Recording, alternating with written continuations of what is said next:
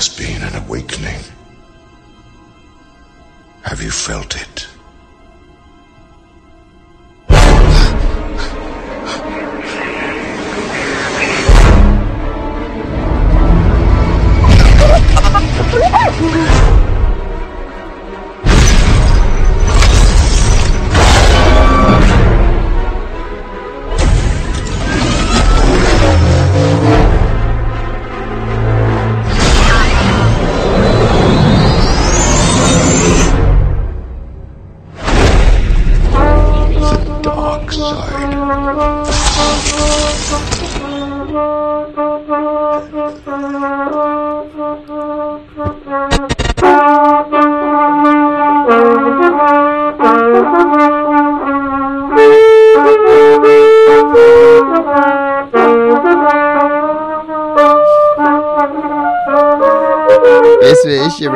Saksøkt av uh, Disney nå, så vet ikke jeg. Det var i hvert fall et briljant uh, briljant tips til intro, Lars, å kombinere de der to. Ja, det funka som eh, snus, det der. Det var da et opptak av den offisielle traileren til den nye Star Wars-filmen. Det har vært litt Jeg tror John Williams har vært litt på en snurr der når han skulle komponere den nye Imperial Marchen. Det har gått veldig lang tid siden mange folk har hørt Star Wars-musikken, ikke sant? Så sånn var den egentlig. Det kan være at orkesteret var litt rustent òg, da. Ja, jo, det er De, har, de skal vel gå tilbake til det her 70-80-talls Star Wars-greiene? Så de har de gamle instrumentene for å gjøre det mest Ja, ja, ja, ja, det er det, det er det. Vi har Star Wars-bua i dag eh, fordi eh, det har kommet en teaser, heter det vel, til den nye Star Wars-filmen. Og vi har vært borte en stund. Vi har vært på hyttetur øh, og lagt ut en hytteepisode. Det er egentlig sånn tre uker siden sist vi hadde vanlig episode, er det ikke det? Ja, det er jo det. Noe sånt. Ja. Vi har hatt ferie, kanskje. Jeg og deg har jo sett hverandre på hytta, Lars. Men Magnus, du har vel savna oss stort? Jeg har savna deg stort. Jeg har eh, hørt på hyttepodkasten kanskje hver dag siden jeg la den ut, og bare Du bruker ha den på øret når du skal legge deg. Du sovner Ja. med meg og Lars sitt fyllerør i øret. Yes. Og så, så har jeg lagt inn sånne pauser hvor jeg kan si ting. Så, eh, Du har klippet din egen. jeg- Ja. Han Jon Cato er en hore. Så sier jeg sånn Ja, den var bra, den var bra. Godt sagt, hore. Vi hadde, jeg hadde en gang en illusjon om at det som skjedde på hytta, det skulle bli på hytta, men det, det ødela du med det, dine, ditt opptaksutstyr, Lars. Ja, jeg var ganske fornøyd med resultatet. Sånn, I hvert fall målt etter innsatsen vi hadde. Den, det var ikke så mye tid vi brukte på det. Nei, det var ikke det. Ja. Nei, men det var bra. Morsomt. Eh, noen mente at det var beste lolbua på lenge. At det ble mye kaos og sånt. Så jeg foreslår at vi alle skal begynne hver sending nå heretter med å shotte en del tyrker. Eh, Altså, flaske, Magnus som går på B, kan sikkert fortelle deg at sånne målingsresultater må, Da må du jo se på hvem som har kommet med tilbakemeldingen. Og tilfeldigvis er det jo akkurat de samme som er, var med på opptaket, og som var på hytta, som syns at det var den beste episoden ever. Det kan være en sammenheng der. Ja, Kanskje ikke helt upartisk. Men uh, ja. Ja. Det er rart, det Jeg der. syns det, var- jeg syns det ble skikkelig bra sending, i hvert fall. Og jeg var jo ikke der, så da er det én stemme i hatten til, til ja, kanskje ikke tidenes beste. Det er Men, bra. eh, Vi får, eh, vi får satse på en reprise under NM i Gameplay eller noe i starten av neste år. Ja. så gjør det. Det var gøy å klippe sammen det. Jeg vet ikke om folk blir veldig lei av sånn her Too Many Cooks 8-bit-versjon og sånt, men uh, jeg drev og lo godt med meg sjøl da jeg drev og limte i hop det der. Det var mye, mye avbrytelser, og eh, det jeg syns var vittig, var at eh, eh, du avbrøt veldig mye deg sjøl. Hver gang du skulle, Det virka som du skulle i gang med å komme til et poeng. Og så avbrøt du, og så tenkte jeg er det ikke Lars som fikser dette? Er det så kjedelig å høre på seg sjøl? ja, egentlig. Det er Så det. ja ja, bla, bla, bla. Yes, det er i hvert fall tilbake til normalen nå. Det er et år til neste hyttetur. Takk Gud for det. Uh, så da blir det vel en ny spesialepisode eh, da, regner jeg med. Da, da nærmer vi oss faretruende fort episode 100 innen den tid. Ja. Men den tid, den sorg, skråstrek, glede. I vårt eh, blodferske sendeskjema så har vi jo som vanlig begynner vi med nyheter, akkurat som i eh, Akkurat som på NRK. Det er nyheter før sport og været. Nyheter først. Vår nyhetsoppleser Magnus sitter klar. Hoi.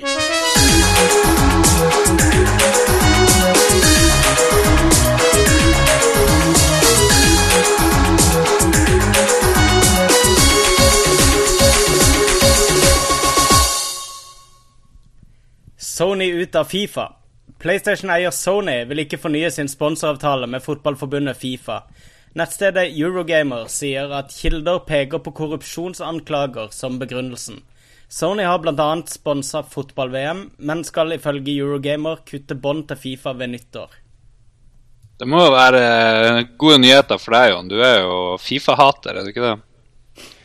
Eh, ja, jeg er ikke noen fan av verken IOC eller Fifa. All sånn der organisert idrett på så, så stort nivå, det, det, det føler jeg er mye too many cooks.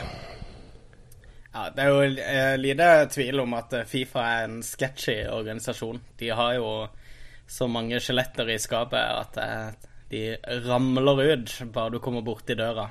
Men det her er også sånn eksempel på sånn der eh, spillnyhet som ikke har noe som helst i spillpressen å gjøre, egentlig. Det er så, et spons... Altså, elektronikkbransjen skriver jo ikke om Philips slutter å sponse eh, det, det, det, er bare det der, eh, det der kravet om at vi må ha 10-12-15 nyheter dagen som gjør at du tyner nyheter ut av ingenting. Ja, Men så har det jo sikkert litt med at eh, Fifa også er et, eh, et, et spillrelatert varemerke å gjøre. det. Så hva tror dere? Fifa 16 blir eksklusivt på Xbox nå neste år? Nei, det har, det har, jo ingen sammenheng. Herregud. Åh, har det ikke det? Men det som er morsomt med Fifa 16, det er jo at det blir uten brann. Det er faktisk veldig, veldig Det er ikke, vi har, Vår favorittlytter Heigel er jo Brann-supporter, så det er egentlig trist. Det er trist for vår favorittlytter, men for Men han får trøste en... seg med å styre Mjøndalen, kanskje? Eh, ja. Han, han får tape mye med Mjøndalen. har, du, har du fulgt med på opprykks-nedrykksstriden, eh, Lars? Har du skrudd på mikrofonen din, Lars, er riktig spørsmål. uh, vi, uh... vi har et problem her. Harstad, vi har et problem. det er Det er tydelig at vår mann i Harstad har blitt muta av en eller annen grunn. Yes. Det er nok værforbehold som er værforhold som har revet ned en eller annen internettstang eller et eller annet sånt. Ja, nå hører vi noe. Hallo? Hallo, det er, det Harstad? Ja. Er det Harstad? Ja, det er noe drittheadset på gang. Beklager det.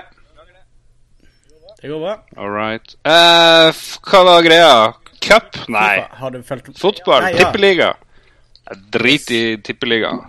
Bra La oss benytte anledningen til å få en rapport Supert. fra Harstad. Åssen går det med HIL nå? Åssen slutta de sesongen? vet ikke. Harstad idrettslag? Jeg vet ikke. Men de driver og snakker om å lage sånn stort Hålogalandslag med alt borti Narvik og Lødningen og liksom hele regionen. For det bor jo en sånn par hundre tusen i regionen her, ikke sant. Så de vil lage en svær greie. Og det er mye interessant debatt. Sant? De vil lage en toppfotballsatsing som kan uh, få regionen opp i, i uh, elite-tippeliga. Det, det, blir jo, det blir jo sånn at ingen føler tilhørighet til det laget, fordi at uh, det blir ja. jo fort sånn, gjør det ikke? Jo, jeg tror òg det. Det er liksom der det er mange klager. Så Hålogaland Allstars, er det det de skal kalle det? Men sånn er det jo. Eh, Start har jo, eh, representerer jo Sørlandet i, i, så måte. De er jo helt alene der nede. Arendal er vel neste lag som spiller. Er ikke Stavanger er ikke det Sørlandet? Viking? Nei, det er ikke Sørlandet. Hva er det for noe, da? Det er på Vestlandet. Så Vestlandet går helt fra Stavanger og så opp til Molde? Det er jo i hvert fall ikke på Sørlandet. Ja, skal dere ha liksom Kristiansand og Arendal, den lille stripa der, det skal være hele Sørlandet? Kristiansand, Arendal, Mandal, Kvinesdal, Flekkefjord, Farsund, Lista. Så har du Grimstad og Det er jo bare sånne små eh, Ja, du har Ja, men det er, jo, det er jo Sørlandet. Det er bare små steder, og så er det Kristiansand, hovedstaden. Det er sånn det fungerer. Det er, og sånn er det jo oppe hos dere òg. Sånn er det jo hos dere òg, er det ikke det? Nei, det, eh, vi, det er oppe i Nord-Norge er til og med krangling om, vi skal, om det skal hete eh, Ja, Nord-Norge er jo gigasvært, da. Jo, men eh, dette, dette fotballaget, den regionen, er det ikke samme greia der? Masse småbyer? Jo da. Jo da. Ja. Men ja, så du mener det er en god idé?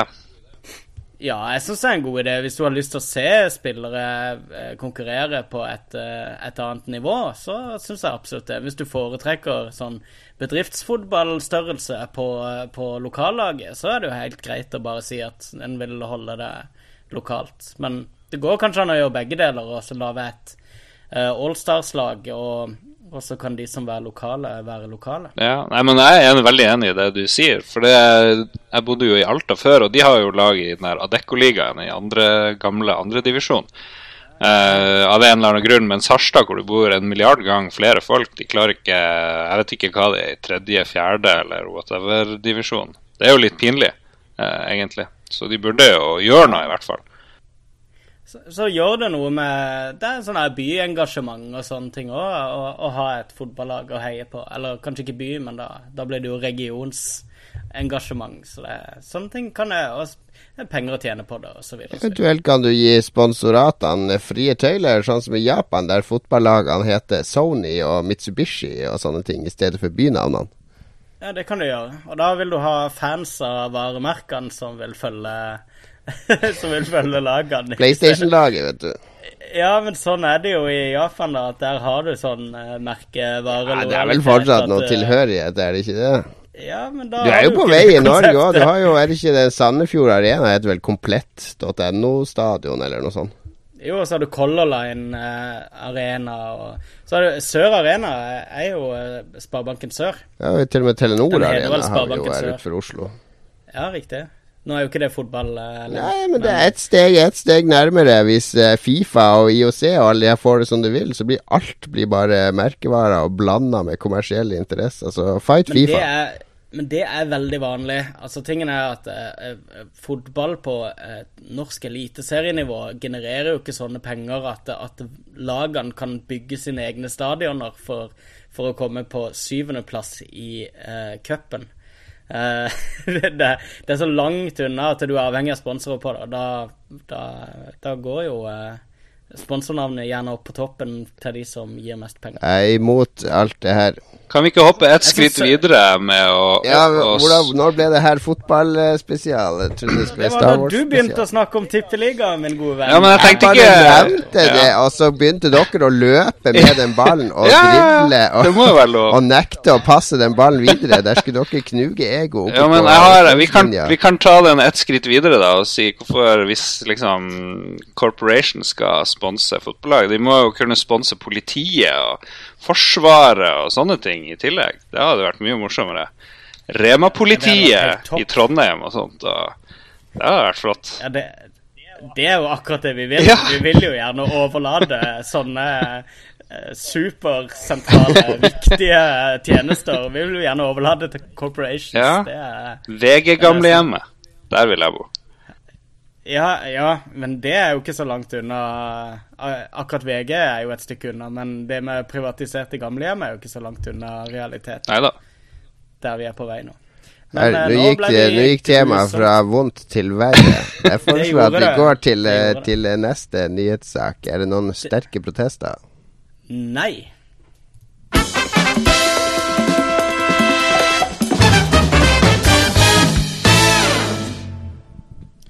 Opp og ned for Microsoft.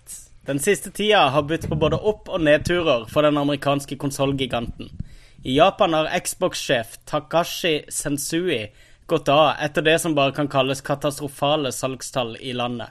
Lyspunktet kom imidlertid da Xbox One anslås for å ha utgjort over halvparten av konsollsalget på Black Friday.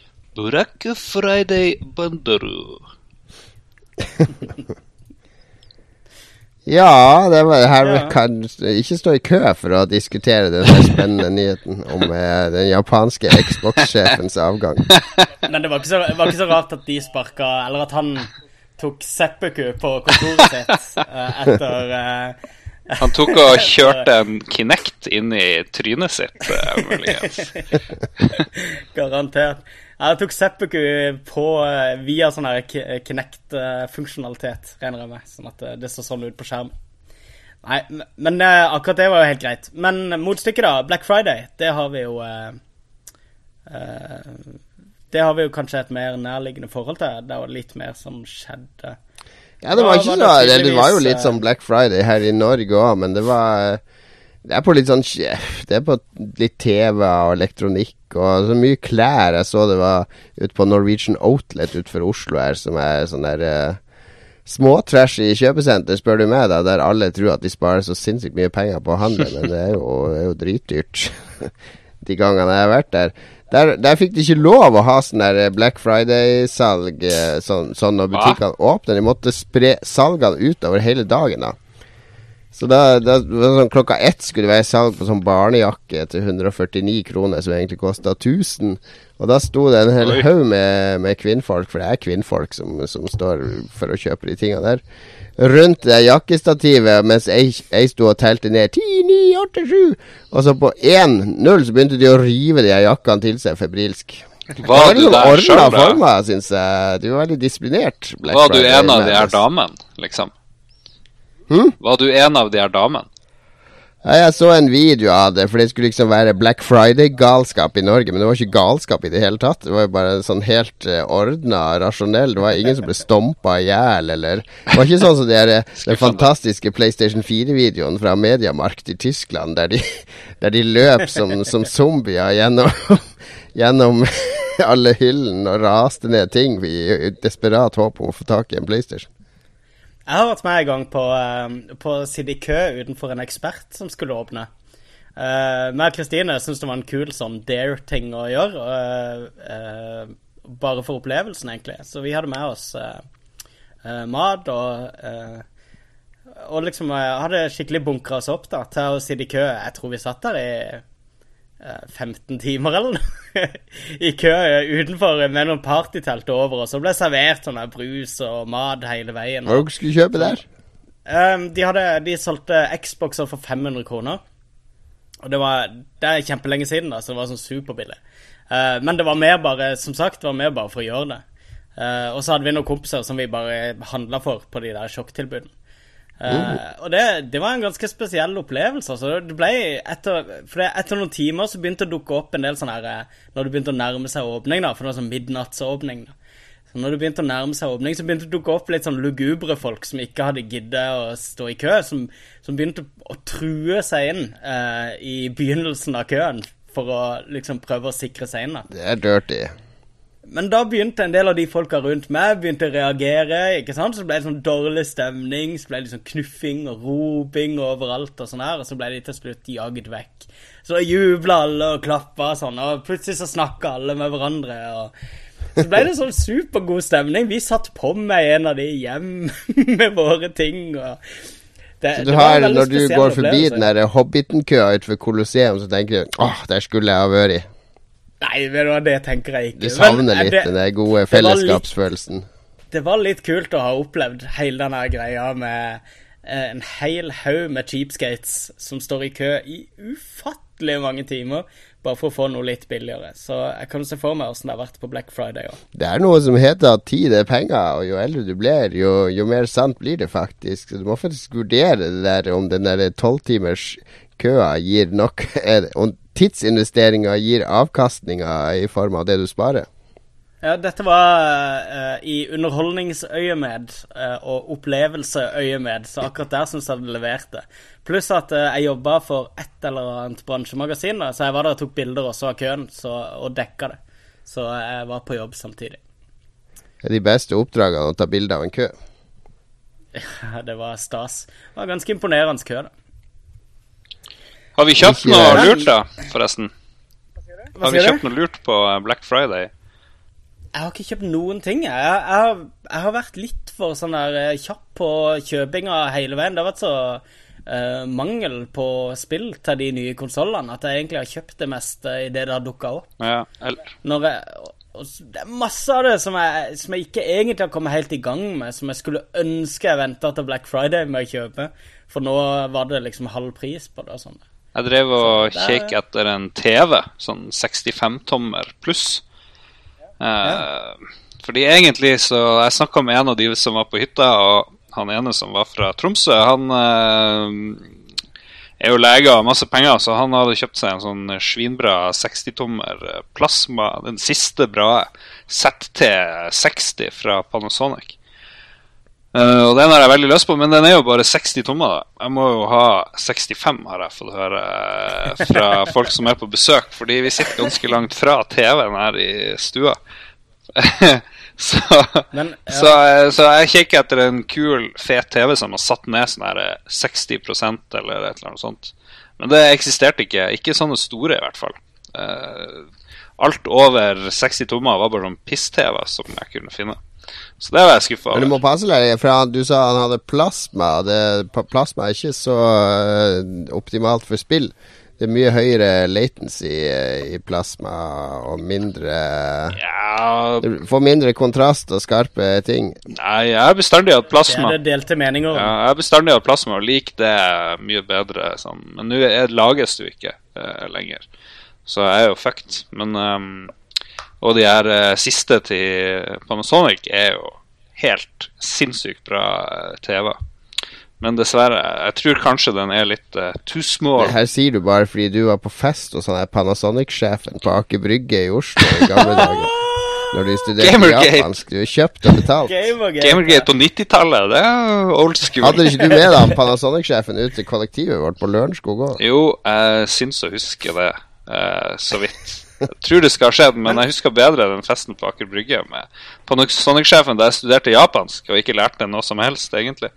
Uh, japansk. Bortsett fra å prate engelsk med japansk tulledialekt. Black Friday Bandaru. Det, det er alt jeg sitter igjen med. Men uh, tror du det er riktig tid å kjøpe TV akkurat Nei. nå, i uh, generasjonsskiftet? Nei, nei da, det er bare teit. Så det var jo derfor det hadde vært kult å kjøpe en gammel, svinbra TV til sånn 12 000, ikke sant, Uh, kanskje. Eh, som egentlig var mye, mye dyrere for en par år siden. Så Altså, VG hadde en greie nå med 55 tommer av de der nye, de UH, UHD, som er sånn nesten 4K. Det er liksom den nye HD-ready-standarden. ja. Uh, den lå på var det 12 000 eller noe? 55 tommer. Uh, fikk sånn seks på terningen hos Lyd og Bilde. ja, men de er altfor nye, de der UHD-greiene. Det er veldig få som har testa det, så veldig virker det sånn på spilling og hvordan det funker. Ja, men det er jo ikke UHD du skal utnytte. Det er jo 1080P, så det vil han jo uansett utnytte perfekt. Jeg vet ikke. Jeg vet ikke. Det kan godt hende. Så, men 55 er for lite. Jeg må ha eh, 65 eller større. Hva med prosjektor, da? Ja, det ville jeg òg begynt å vurdere, hvis du er oppe i sånne størrelser. Ja, jo, har jo for så vidt. Men ja, ja. Vi får se. Men med en gang du går på Ti måneder i prosjektor året, så prosjektor er jo optimalt. Ja, men med en gang du er på det prosjektorkjøret, så er det, da er du liksom stempla som Da har du gått veldig langt, føler jeg. Begynner å ha sånn her lerret i taket og greier. Og det. Du har jo Hele huset ditt er jo en gigantisk mancave. Bare å kjøre på. Men jeg må jo prøve å begrense det litt. Det er det, det er der som er dilemmaet. Jeg er litt sånn uh, tårn. Jeg vet. Altså, du har sjansen nå før det kommer en dame inn. Når det kommer en dame inn, så er det bare å glemme eh, hva, skal, skal, hva, hva sier du skal henge der ved veggen? Et lerret? Men hva vil skremme bort ei dame mer enn sånn 65-tommers-TV eller prosjektor og alt det her opplegget der, liksom, i taket? Det som skremmer henne bort, det er alle de pizzaeskene på kjøkkenet og det greiene der. oh. Men eh, Lars, Lars, hvis du skjærer til et uh, lerret, hvis du kjøper et lerret, skjærer det ordentlig til, henger det opp permanent på din hvite vegg hvis du har det, og så bare med typisk en sånn der svart, tynn teip til å markere linjene, ja, så er det mye mindre intrusive i eh, stua di enn en 65-tommer TV. Du klar? Det er, et sånn her, det er en liten bil som står midt Ja, i stua di. og- 65-tommers-TV, det er som å henge en sånn alter på veggen. Det her er det vi tilber i stua her. Yes. Ja, det er kanskje det. Ja, virkelig, altså. I stedet for noe som kan stå litt sånn subtilt vekke, mens prosjektoren henger i taket eller noe er helt usynlig. Ja, men ja. du, du, du, du har jo penger, eller du kan jo lage en sånn innretning i veggen med sånn maleri som sklir til sida, og så kommer TV-en frem.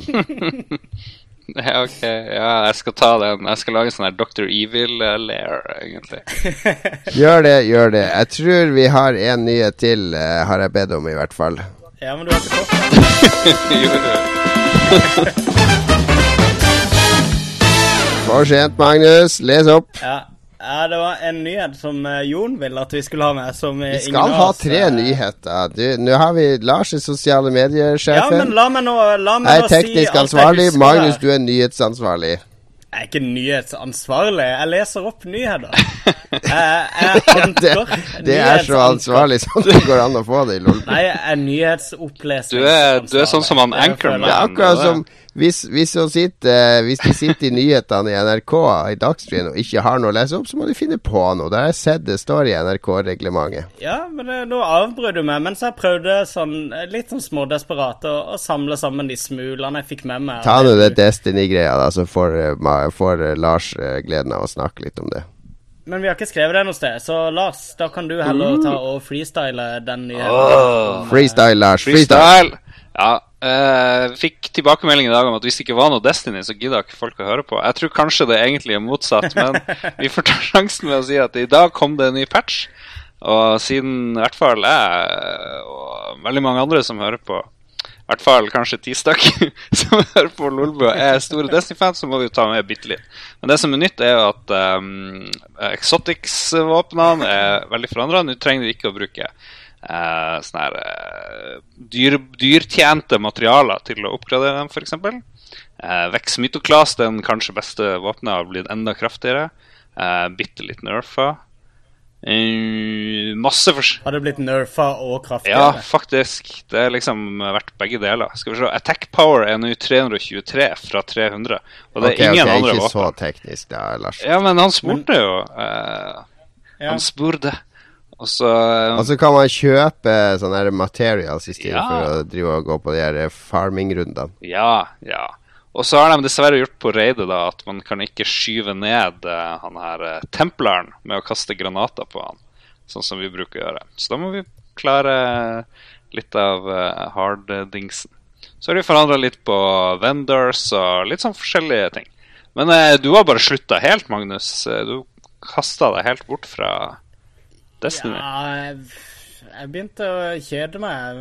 Og um, Jeg husker ikke hvilket spill som kom, men det var bare noe annet som tok oppmerksomheten min. Og eh, tro meg, Lars, hvis du er vekke fra Destiny litt lenger enn den hitteturen varte, så, um, så er det ikke umulig at, eh, at du vil eh, tenke det samme. At, at, du får ting litt i perspektiv, så ser du litt på hva du egentlig gjør, og så er det ikke like givende lenger når du ser det i perspektiv av en nyere opplevelse. Det kan du godt ha rett i, men nå er jeg jo med en sånn gjeng. eh, eh, vi har jo den der uh, sida Spilldate med LOL Crew eh, på Ja. Facebook. Og der er vi med en eh, litt sånn fast gjeng etter hvert. Og andre må gjerne komme til. Uh, Finn oss på Facebook. Og der gjør vi masse ting eh, hele tida. Og det er jo kjempegøy. Og det er jo fordi det er morsomt å henge med de her eh, gjengen. Eh, En har faktisk sendt inn spørsmål i dag. Han Tendy91 har sendt inn spørsmål.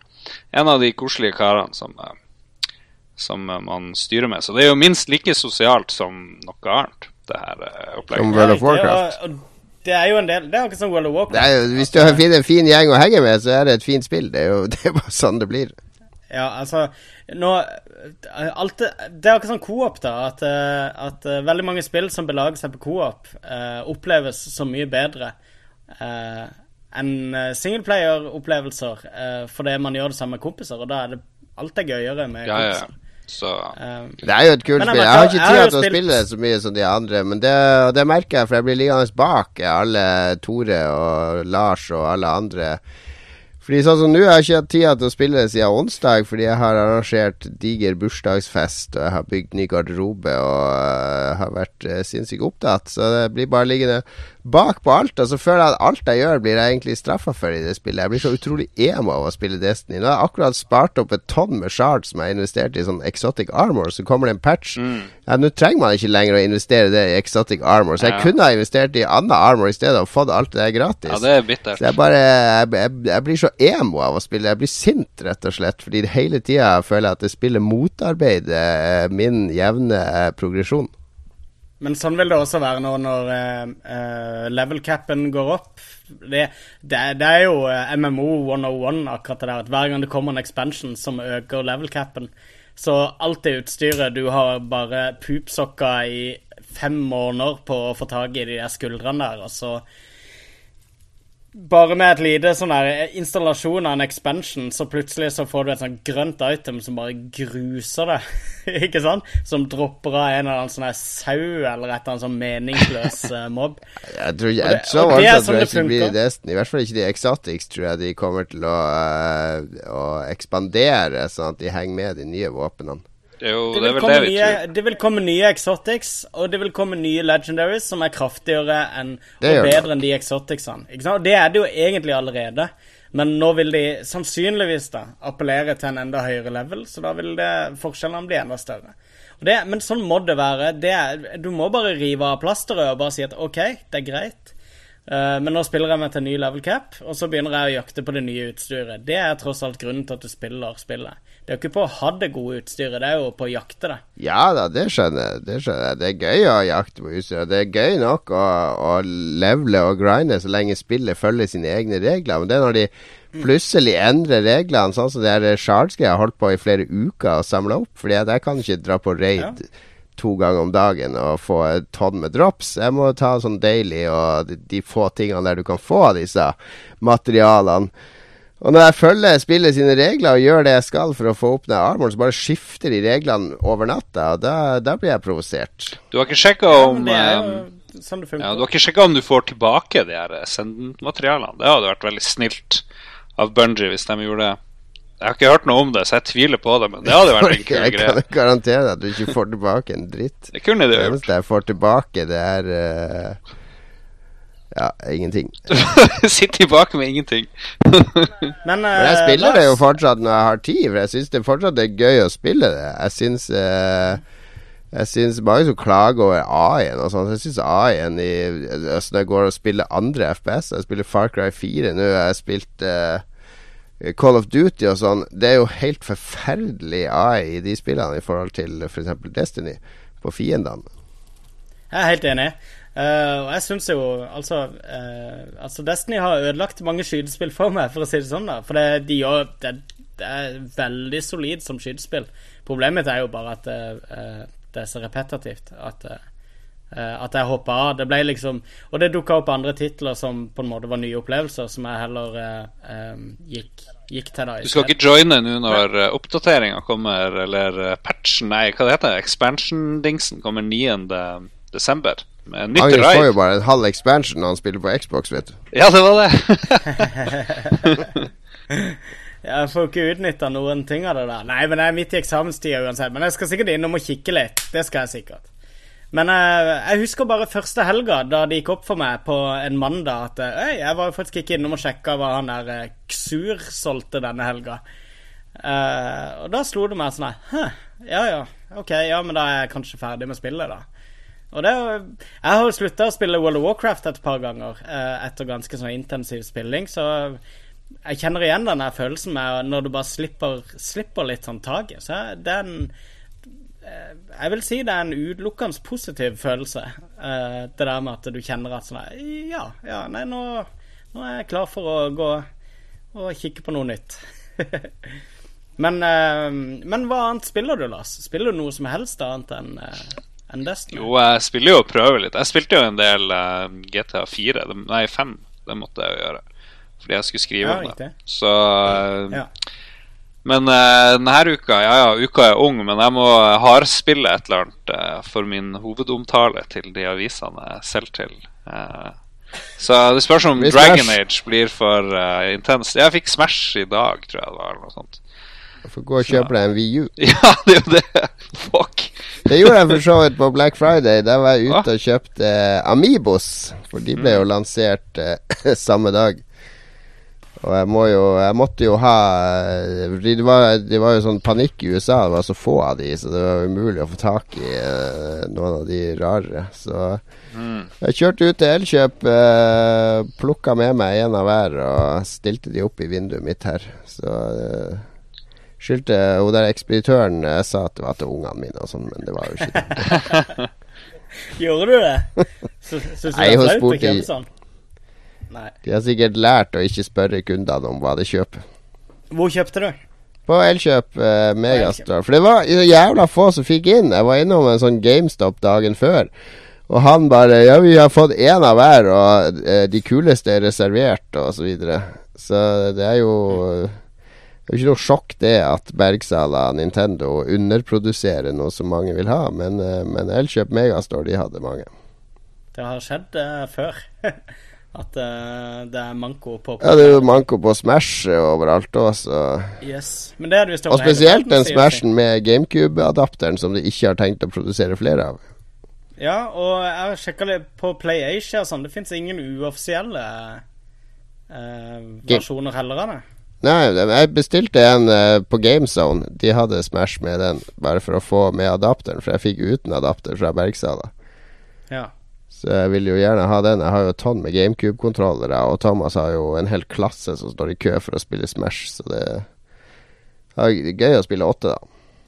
ja, har du to sånne adaptere? Er det ikke fire i hvert sånn adapter? Det er fire i adapteren, da, men da bruker du de pluss VU-kontroller oh, ja, ja. og VU-kontroller pluss og et par V-pads. Så har du åtte. Riktig. Gøy, gøy. Da må vi over på temaet vårt. Det er som kjent Star Wars. Det er altså, eh, for de som ikke kjenner til Star Wars, det er en filmserie som starta i 1977. Tenkt ut av uh, en herremann med navn George Lucas. Dude! All right, Star Wars. Alle vet hva Star Wars er. Star Wars er noe vi vokste opp med. Det er, er den eneste her som har sett en av de originale eh, filmene på kino, sikkert. Oi, oi. Ja. Ja, Jeg så i hvert fall eh, ti minutter av den, for jeg syntes det var så skummelt inne hos Jabba der, så jeg spurte pappa om vi kunne gå. det var mine ti minutter med Return of the Jedi da jeg var elleve år. Dro du igjen? Jeg var en feig elleveåring. Jeg synes, Når han slapp han ned Den der rancoren og sånn, holdt jeg på å pisse i buksa. Så der for jeg dro pappa i armen. Så lurte på om vi kunne gå. Det var veldig flaut, da. Fordi alle i klassen hadde jo selvfølgelig vært og sett den, da. Så måtte jeg drive og fake overfor alle i klassen, for de visste at jeg skulle gå og se den den dagen. Så måtte jeg fake fordi at jeg hadde sett den, så de for Å, det var jævla kult når de kjørte gjennom skauen og så fort og sånn her på de greiene. Jeg bare Ja, ja, ja, dritkult. Så jeg kunne ikke innrømme overfor noen at jeg hadde blitt redd og måtte gå fra kinoen. Men kunne du ikke bare laste den ned på nettet? Jo, i 83 var det var eh, Nei, men det var magisk i 83, Star Wars, fordi jeg oppdaga det jo via leketøyet. Altså de lekefigurene og romskipene var så kule. Og tegneserier var det òg. Så skjønte jeg at det var filmer, men de var ikke det utleie, de filmene. De var litt vanskelige å få tak i. Og så fikk de de, tror jeg, rett før uh, skulle komme, så kom de på leievideo, da. Imperiet slår tilbake, og den første. Uh, omtrent da så viste de den første på NRK òg, husker jeg. Så da så jeg jo de leide Imperiet slår tilbake og så den sånn ti ganger i det døgnet jeg kunne ha den. Det var liksom Lot være å sove bare for å se den på nytt og på nytt. ja, men hvilket år var det de viste den første Star Wars-filmen på NRK? Fordi et, av en eller annen grunn så tok foreldrene mine det opp, for jeg kunne ikke være våken så seint, eller hva det var. Så det var den utgaven, men vi beklager teknisk feil når han, eh, han Solo driver og springer. Ja, det var den jeg hadde på kino. Jeg tror det var eh, 84, kanskje. Ja, det må ha vært noe sånt. Det, det, men det var jo helt magisk. Det var helt uh, sinnssykt å se Ja, det. fikk du med introen nå? I kveld skal vi vise den amerikanske science fiction-filmen 'Stjernekrig'. Jeg, har, um, jeg, jeg, også, um, jeg lekte med legene og sånn. Jeg er jo litt yngre enn dere, så jeg er jo født i 78. Er du er født post Star Wars? Herregud. Da er du inhabil til å diskutere der. men jeg lekte med legene, og jeg samla på klistremerkene. Jeg hadde um, de Panini-klistremerkene til de to siste filmene. Uh, hadde jeg uh, fylt det opp flere ganger, for det, når jeg hadde alle, så bare begynte jeg på en ny en. Å, heldig du er. Eh. Jeg fikk sånne Star Wars-klistremerker i en julekalender som mamma lagde en gang. Men jeg fikk ikke nok til å fylle boka engang. Og så gikk de vel tom for det der, så jeg fikk liksom aldri helt uh, fylt Jeg hadde det som en sånn ukelønn-ting. Det var altså, Panini-klistremerker, det var dritstort. eh, I hvert fall der jeg vokste opp. Eh, Både med fotball-VM og med og fotball-EM og eh, Star Wars. Det er en god, god sånn kristen aktivitet å sitte og, og klistre klistremerker i en bok. Det Eh, ja, det var god kristen aktivitet. Det var det vi tenkte. Jeg Ja, godt. og Bibelen, selvfølgelig, hadde vi Panini. Ja, ja, ja. Men, eh, men jeg har sett litt gjennom. Panini har vært et sånn ganske stort fenomen. Kjenner dere til Panini? Liksom som konsept? jeg, jeg trodde det var sånn her mat de har på 7-Eleven og Tele. Nei, men det er sånn kjempestort. De driver ennå, faktisk. Nå driver de med digitale sånn klistremerkegreier, som er til hvert VM. Så kan du samle på de der også. Men um, Er ikke det bare sånn bok med et sånt tall, og så skal du klistre det klistremerket i den ruta som det hører til? Jo, men så er det bilder fra filmer og, og sånne ting. Ja, jeg hadde Return of the Jedi-boka, men jeg har aldri brukt ordet Panini om det. Nei, det var liksom Det var de som utga det. Men um, Men da var det Det var også en del sånne skjermbilder som ikke var tatt direkte fra filmen, men så typ sånn fotografier. sånn oppstilte fotografier av Jabba the Hutt med Leia og så videre. Ehm, og, eh, og da måtte du gjerne samle sammen fire klistremerker for å bygge et Ja, det husker jeg godt. Det husker Ja, jeg det var konge. Det var jo konge. Ja, det var Det dritfett. De har sånne bøker fortsatt, men nå er det mer sånn fri fordi jeg, jeg kjøper sånne til de ungene av og til. og Det er sånn der Lego Star Wars-bok, men nå er alle klistremerkene er bakerst i boka. da Altså den første halvdelen er de formene du skal klistre de i. da Så du slipper å kjøpe sånne der booster med, med klistremerker for å få alt. Men det var jo hele greia. Det var jo community på skolen med, med, med trading av sånne klistremerker. Ja, noen vil, kalle det, noen vil kalle det kynisk eh, utnyttelse av barn og unge som kaster bort eh, ukepengene i håp om å få ja, det det er kortet som de eh, mangler. Pokémon trading card game, eksempel. Jo, jo, jo. Det er jo, det er jo en kommersiell mørk side med det, da. Jo, selvfølgelig, men det var dritgøy. Jeg, jeg føler det var verdt hver krone, den underholdningsverdien som Ja da, det var, jeg syns òg det var gøy. Det var gøy. Men det var, det var Paninien, da. Vi skal, vi skal droppe å snakke om Kalkitos, som jeg er gammel nok til å huske. Å oh, nei, jeg husker Kalkitos, ja. ja, som var min? Panini. Hva er det for noe? Var det fotball? Kalkitos var sånn plastfilm som du la oppå ting. Ja, det var, du du bretta med- ut sånn bilde av en scene, f.eks. månen, og så kunne du, hadde du sånn ark med masse ting som du kunne lime fast på månen da ved å skrape oppå det. Du kunne sette en astronaut der og en månebil der, men du sto fritt til å plassere det hvor du ville. Så når du plasserte ut alle tingene, så hadde du sånn kul eh, science fiction-scene. Det heter Kalkitos. Det var sånn engangsbruk der. Du kunne ikke ta det av igjen og bruke på nytt. Det var utrolig kult. Vi brukte det jo på alt mulig annet, da. For det, ideen var jo bare at det var um, uh, Det fungerte litt som sånn slikketatoveringer. Bare i stedet for uh, fuktighet, så bare strøyk du over på plastsida med en blyant, så festa det seg. Men det her er ikke leker fra oldtiden spesial. Det her er Star Wars spesial. spesial. vi har jo ikke snakka om fant engang. Det- Fant det Star Wars Kalkitos også, jeg er ganske Jo, det, jeg tror det var det. Det var i hvert fall Supermann, husker jeg hadde i Kalkitos. Riktig. Og vi snakka om de originale filmene, og det var jo Det var jo Som alle som vokste opp på den tida For meg var jo det sånn definerende filmer, ikke sant. Det var, det var film, og så var det Star Wars. Eh, det var ikke noe kulere enn det når jeg vokste opp. Star Wars, som vi kalte det. Jo. Men er det, er det bra filmer, eller vil de som var født på 90-tallet, synes at Eller ja, synes at den nye trilogien er minst like bra som vi likte den første? Den nye trilogien har ikke det samme si. impactet som den første hadde. For den første kom og skapte jo en, en verdensomspennende feber om verdensrommet. det kom også i kjølvannet av eh, når NASA fortsatt holdt på med romting og Og det var litt sånn eh, science fiction-feber eh, i huset allerede, så den kom på rett tid, og den definerte en hel generasjon. Mens de nye har ikke det samme eh, De treffer ikke like bredt som de gjorde da. Så er det jo laget jeg har jo sett både de nye og de gamle med, med Trym, som blir seks år nå.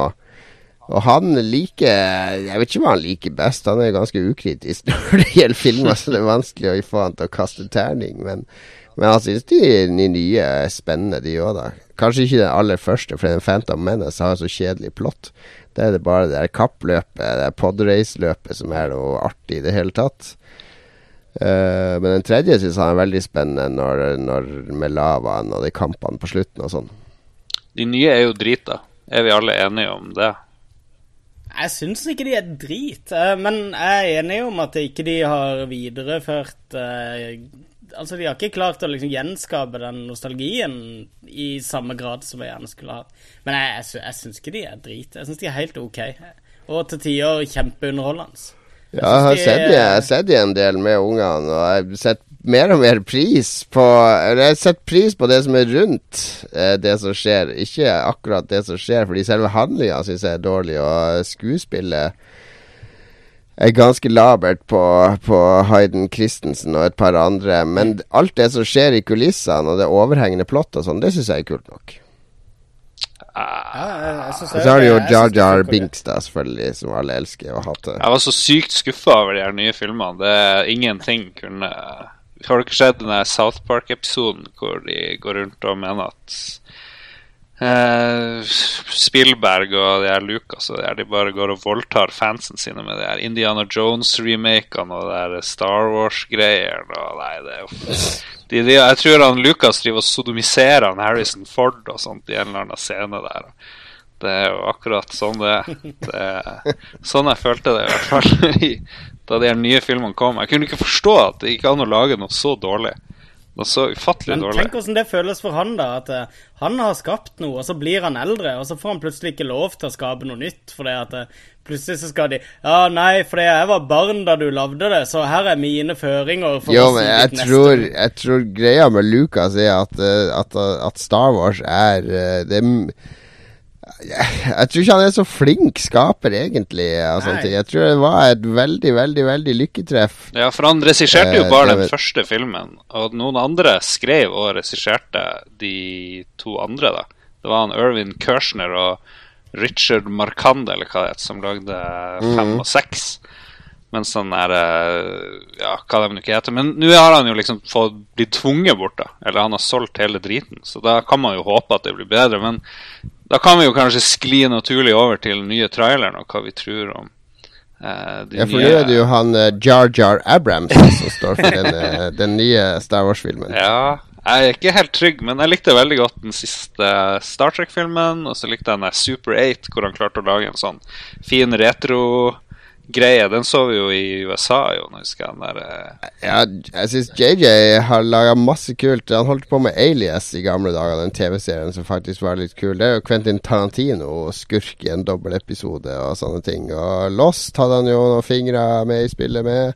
Han er kreativ og kul. Jeg har også en bok av han som heter S, som er en av de morsomste bøkene. Jeg har ikke lest den, jeg har bare bladd i den. Fordi det er en bok som er full av handout, handouts. Det er sånn serviett inni der som det er skrevet på. Det er brev, og det er fotografier, det er postkort. Det er bare helt stappfull av masse ting som ligger mellom sidene. Så du må ikke ta ut alt. Man skal liksom oppdage de mens man leser. Det er clues til det som skjer i historien og sånn. Så han er utrolig kreativ sånn sett, til å lage sånn gjennomførte, eh, artige ting. Så jeg har, eh, har tro på den nye filmen. Det har jeg. Um, nå har jeg, uh, jeg Jeg likte veldig godt Jeg har ikke sett den eh, Into Darkness, er den heter den andre eh, Star Trek-filmen. Men jeg har sett den første av dem. Den likte jeg dritgodt. Ja, den den er kjempekul. Ja, det to er mye bedre, faktisk.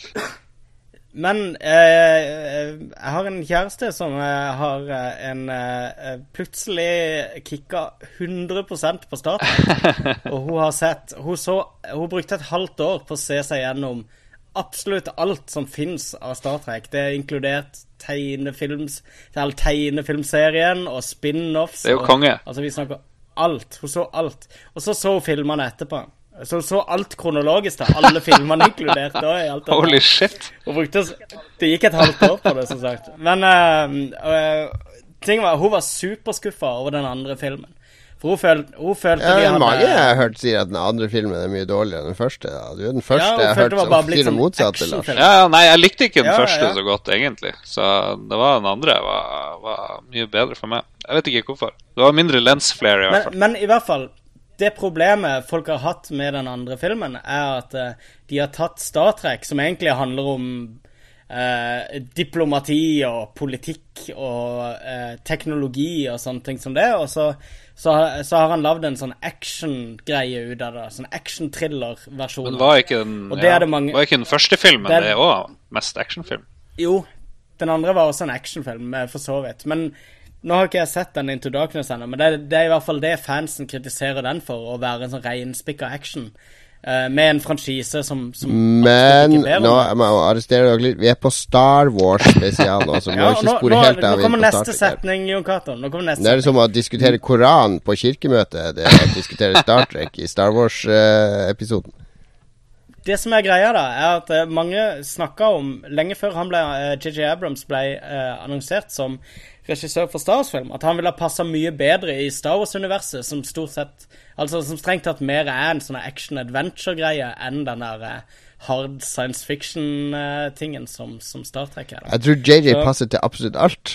Herregud. Men jeg tror han passer bedre til Star Wars-universet enn han passer til, eh, til Star Trek. Ja, hvis du har rett i det, så blir jo i så fall filmen helt fantastisk. Men la oss nå diskutere traileren litt i detalj. For det første som skjer, er jo at en eh, Vi kan jo ikke si afroamerikaner, for det fins jo verken Afrika eller Amerika i Star Wars-universet. Så det er en svart eh, stormtrooper dukker opp midt i ørkenen der. Og det har jo det, der, er- Du er jo sånn konservativ Star Wars-fan, eh, Lars. Du er vel en av de som har raga på Reddit mot at eh, svarte kan bli stormtroopere? Nei, jeg rager ikke, men jeg ble ganske overraska. Så det var vel det som var meninga, tipper jeg. Oi, shit, der er en black dude. Men jeg var på fest i helga, og der var det en fyr, en hardbarka rasist som heter Jørn, eh, som jeg håper hører på der. Du trenger ikke å si hva sånne folk heter. Vi vil ikke ha søksmål både fra Disney og rasister. Jeg er jo, jeg er jo litt ironisk, da. Men han eh, sa på litt sånn halvfyllerasistisk, eh, anti-ironisk eh, måte Ironisk-ironisk at ja, han er svarte fyren som er så svett og nervøs. Han har jo tydeligvis nettopp stjålet en sånn Tie Fighter eller et eller annet, eller den der rustninga. Livredd for politiet som driver og nå skal eh, komme etter ham. Så det var liksom eh, Kanskje det noen drev og tenkte å rage over. jeg. Ja, det ble gapskratt. eh, Det er det dårligste Han sitter og hilser deg Jørn fra meg og sier det er det dummeste jeg har hørt i mitt liv. Ja, det var veldig Det var en annen som hadde mye bedre teori, fordi han, eh, han sa jo at eh, han hadde gått og tenkt og tenkt i 30 år, han der stormtrooperen, og så bare plutselig så stikker han hodet opp, kommer han på der Those were the droids we were looking for.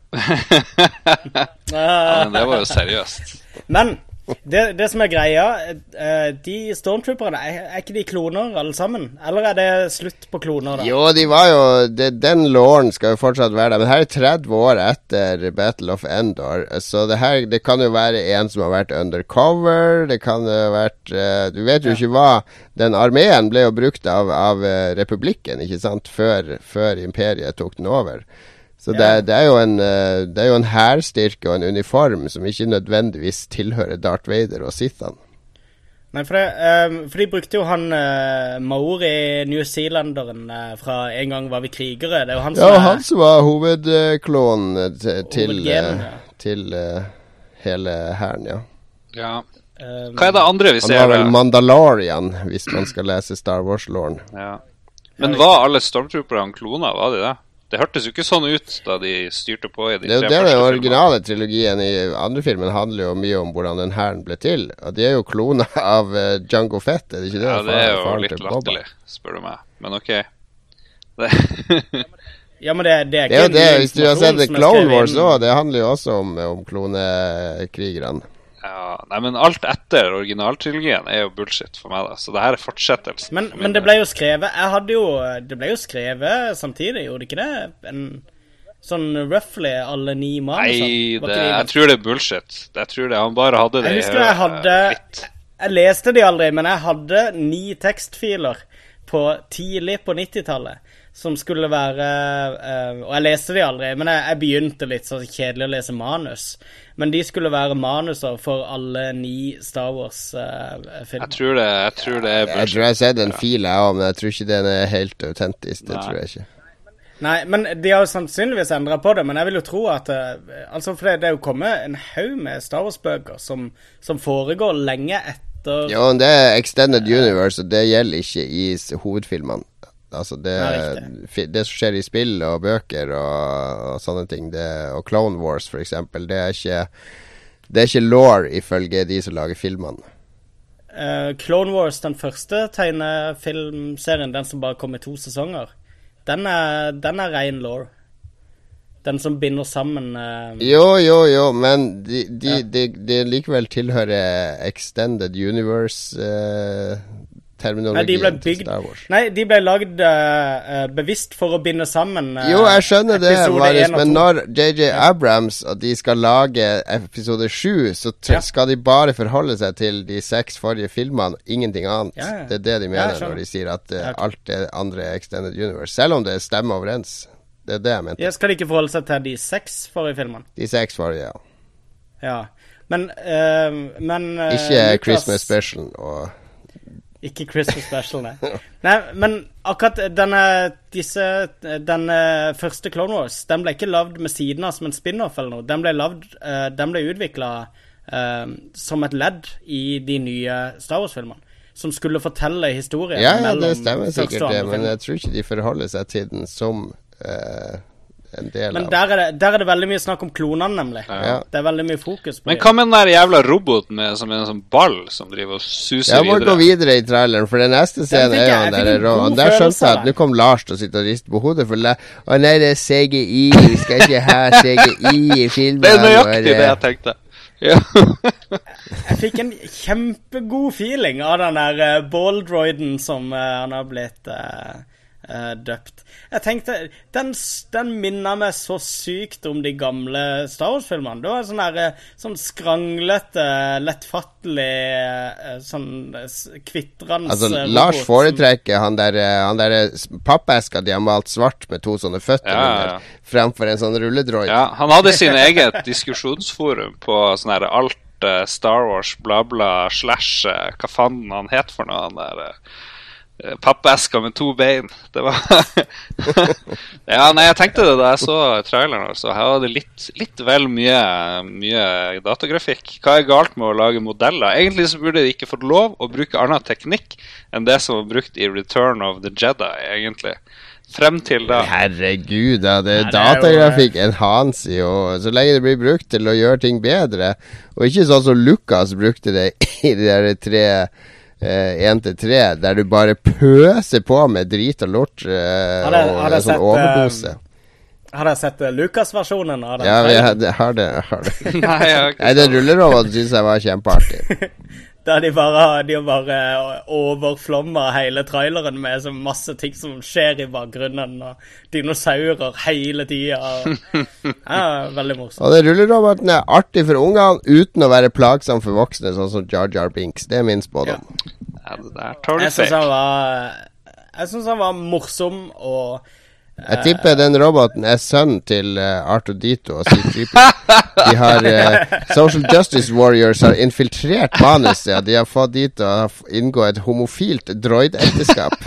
Ja, men Og da jeg produsere et eh, avkort. Artudito er jo tydeligvis kvinne, da. det var noe sånn Unnskyld meg. Det var liksom ikke noen sånn rollekarakter, den her roboten. Jeg hadde mer inntrykk av at det var bare en sånn statist for å sette, for å sette universet Ja, kan godt hende det. Men så har du, hvis du går videre til neste scene, så har vi en eller annen dame som setter seg opp på en sånn gigantisk kasse av en uh, speeder og kjører av gårde. Det var kult kjøretøy, syns jeg. Stor og bulky. Ja, stygg. Ja, Den var veldig stygg. Og min, minner altfor mye om de der eh, podracer-tingene fra, fra episode én. Jeg kødder ikke. Du, hva, Lars? Jeg, jeg håper noen for de skyld at de bare de inviterer deg inn i sånn Ja, nå skal vi på kino på premieren på filmen. Så Jeg er så glad jeg skal se den her i Oslo, mens Lars skal se den i Harstad, så jeg slipper å sitte attmed. Nei, tingen er det de gjør, at de ikke leider den inn i en sånn liten kino med siden av, der de bare viser den originale trilogien. Så sitter du og lar seg Ja, kjempebra! Kjempebra! Altså, Ja, men det har vært konge. Å se de nye, de nye, bare- ja, å se de nye filmene med meg, det blir som å spille Destiny med Yokato. Det blir sånn her konstant strøm av klaging hele tida. pluss at du må bli ni år gammel, selvfølgelig, for å, for å sette pris på det. Mm. Og, la oss, la oss nå komme videre til den mest berykta scenen, da, med den der korslyssabelen, korslysabelen, Lars. Ja, Få høre din dom over den nye jeg satt og diskuterte den lysabelen inngående med Jens Arthur Leirbakk og Øystein Jacobs, som jo er de to som kan mest om Star Wars-universet jeg vet om. Og de var De og pluss Mats Rindal Johansen, som også kan våpen. Og jeg mener at hvis du liksom skal blokkere et slag, eller et eller annet sånt, så vil du jo bare dekapitere deg sjøl, egentlig, stort sett det meste av tida. Eller stikke sverdet i skuldra di, eller et eller annet sånt. Så eh, de mener at den der eh, korset det burde ikke være sånn 90 grader, det burde liksom gå i en sånn, sånn 45 graders vinkel fremover hvis du skulle ha noe spesielle Herre gode effekt. Jeg er glad jeg ikke sitter et, i det diskusjonspanelet oppe i Harstad. det, det finnes et sånn eh, Star Wars-sverd fra før som er der det ikke er to som går i den vinkelen, men det er én sånn liten kort en som går i den vinkelen. Så det er allerede gjort.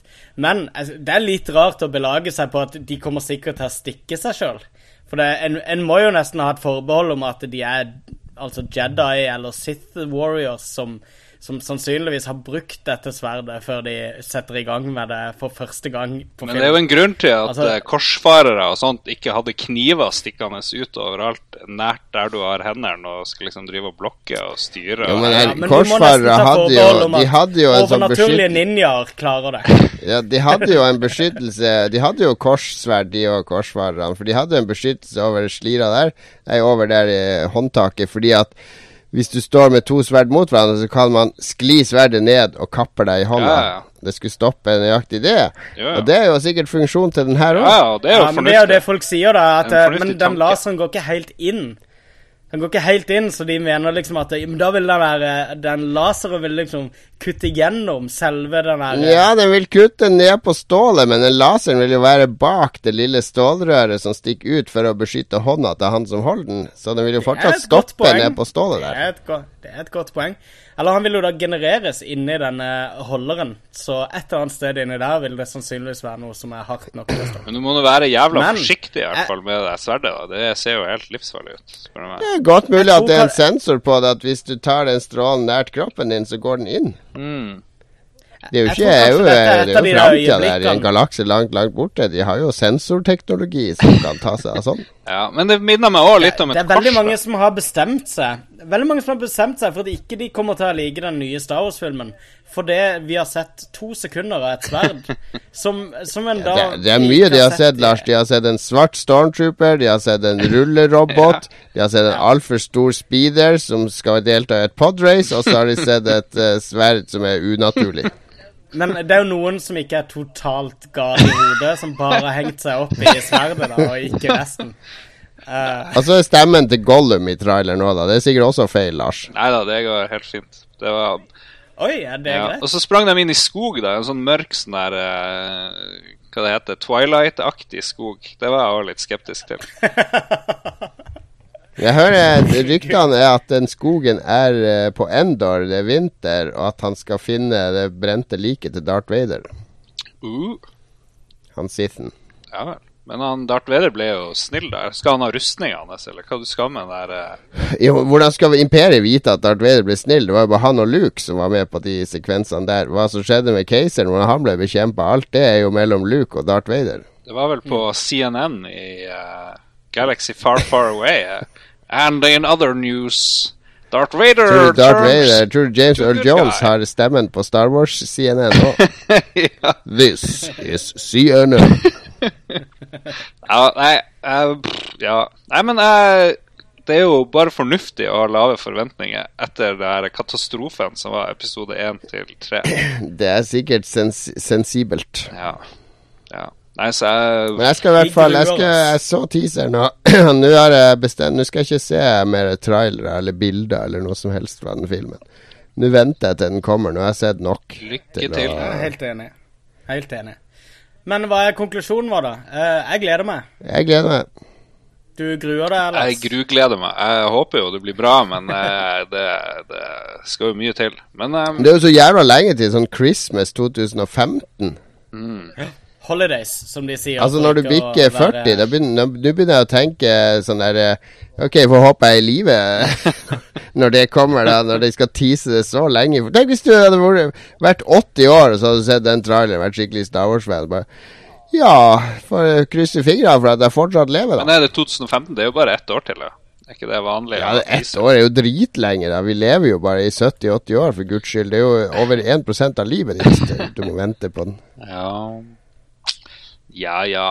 Har, var det nok Star Wars, eller skal vi Det fins jo en milliard ting vi kan eh, snakke om. Jeg tror det er nok Star Wars, fordi vi har uh, Vi kan ikke holde på helt til Nei, vi har mange spørsmål òg som er sendt inn har vi, til så jeg tror vi skal ta en uh, liten pause. Vi skal høre på en eh, chip uh, En litt sånn chippa, eh, fri Star Wars Inspirert New Hope-låt eh, som forhåpentligvis er penere enn det vi spilte i starten. Eh, vi hører på litt eh, Star Wars-musikk, og så er vi tilbake om noen minutter. Alright.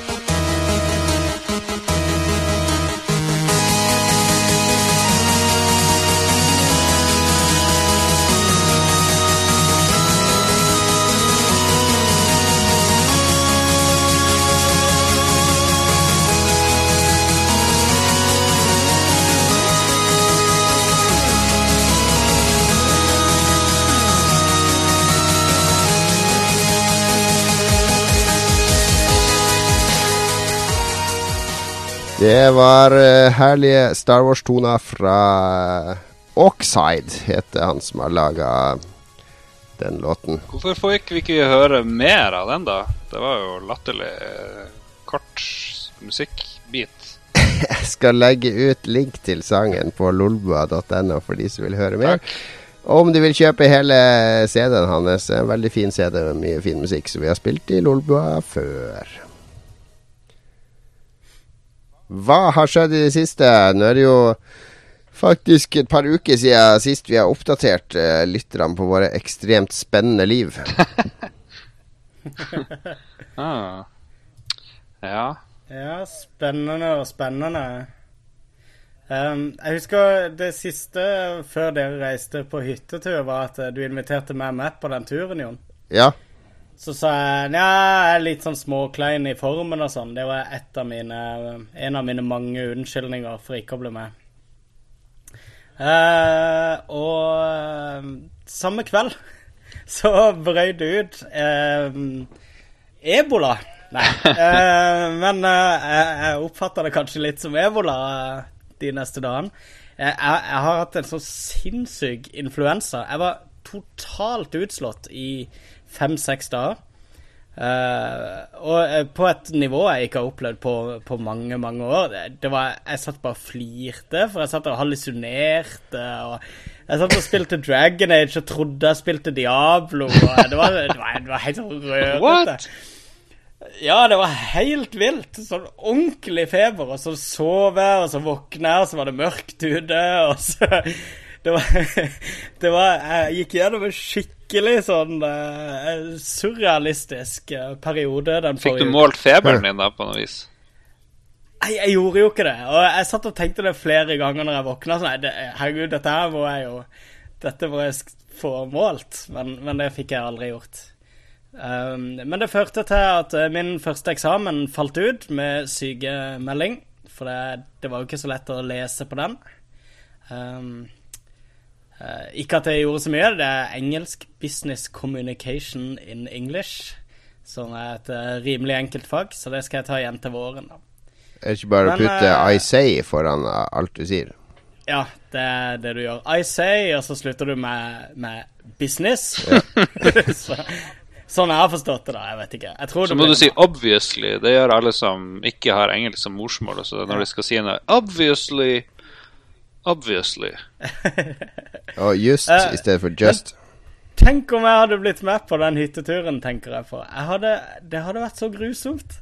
Jeg hadde ligget på et rom og svetta Ja, og vi hadde jo kjørt deg ned til. Fagernes legevakt, og så slipper deg inn der og drar inn. Fagernes legevakt. Det høres ut som et sted jeg hadde blitt liggende full av igler hele helga i stedet for. Nei, det jeg er ganske fornøyd med at jeg ble hjemme den dagen. Men uh, det, det var faktisk litt digg. Jeg, jeg, jeg fikk sove helt ekstremt mye. Så jeg sov typ sånn her 15-16 timer dagen, i hvert fall. Ja. Um, så jeg er ordentlig uthvilt og, og liksom sånn klar til, klar til giv etter uh, ei uke med sykdom. Så, så det fikk Det var sikkert kroppen Ja, sin uh, måte å vise at nå må du hvile på, Magnus. Du er altfor seriøs. Du har hatt altfor mange jobber samtidig. Og, ja. Ja, mye mulig, mye mulig. Og da, da sier jeg bare takk. det, det har ikke vært så ille å være syk heller. Det er liksom, det er influensa. Du får sånn vondt i alle ledd og litt hodepine og feber og svimmel og sånne ting. Men, men hvis du bare eh, omfavner det, så er, så er det greit. Du må, du må bare være innstilt på at ikke du Du må bare akseptere skjebnen og bare ta Embrace the illness. Det høres Ja, ja. ut som en Disturbed-låt. Uff, disturbed. Um, Get Down with the Sickness. Har de, de har jo en låt som er sånn på refrenget. Grusomt, grusomt, grusomt. Nei, nok Disturbed. Eh, har du du har uh, signa opp igjen på HBO Nordic, skjønte jeg. Det har jeg. jeg har, Til tross um, for at de fortsatt bare er ute med den der latterlige Xbox-appen, og ikke på Xbox One. Ja, jeg, men jeg har det jo. Jeg har Samsung-TV. Sånn uh, smart-TV, som det merkelig nok kalles. Um, så, eh, så jeg bruker appen der. Og altså, HBO Nå har det gått ett år siden de lanserte, cirka, har de ikke det? Eh, og jeg har jo hørt på deg, Jon. Du har jo bitcha Det er fortsatt ligger i ræva. Herregud, for en dårlig tjeneste ligger er. hulter til bulter, sortert i sesong og Ok, hvis, hvis jeg skal se en hvilken som helst serie nå eh, En serie, Sier jeg er halvveis i Sopranos, ikke sant? Ja. Og Sopranos er seks sesonger som avsluttes, og det dør en del i hver sesong, så det er litt viktig å ikke vite hvem som dør i hver sesong og sånn. Så når jeg da går inn Det aller første som møter meg, er utvalgte episoder der det bare står tittel på episoden fra en haug med et sånn mylder av forskjellige serier. Så står det ikke hvilken serie episoden er henta fra engang. Så er det et skjermbilde og en forklaring på hva, hva som skjer i episoden. Og det er da siste episode i en eller annen serie som pågår. Så da får du liksom spoila alt som har skjedd.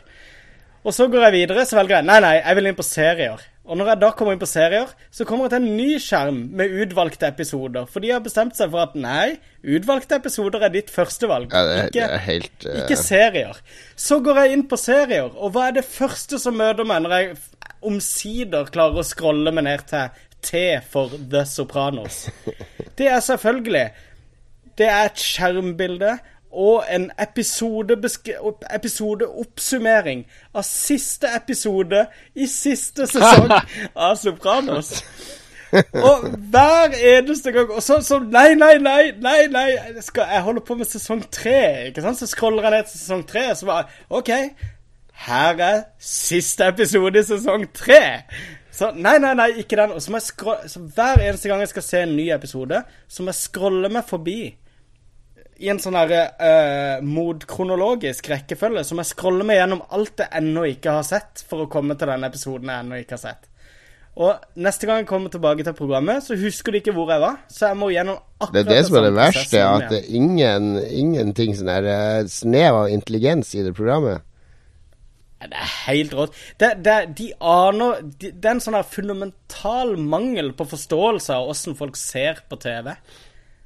Det er sånne serier som ikke har vært vist på ti år på TV, og så tror de at det første du vil se, er siste episode i siste sesong. det er latterlig. Jeg fatter ikke at jeg driver og gir de pengene fortsatt, men vi ser jo på, ser jo på en serie der nå, så Ja, jeg, jeg, har en sånn reunion med Sopranos nå, da. Det var jo derfor jeg brukte det som eksempel. Jeg er nå på min jeg tror det er åttende gjennomsyn av Sopranos. Du er syk, mann. Influensaen har ikke forlatt kroppen ennå.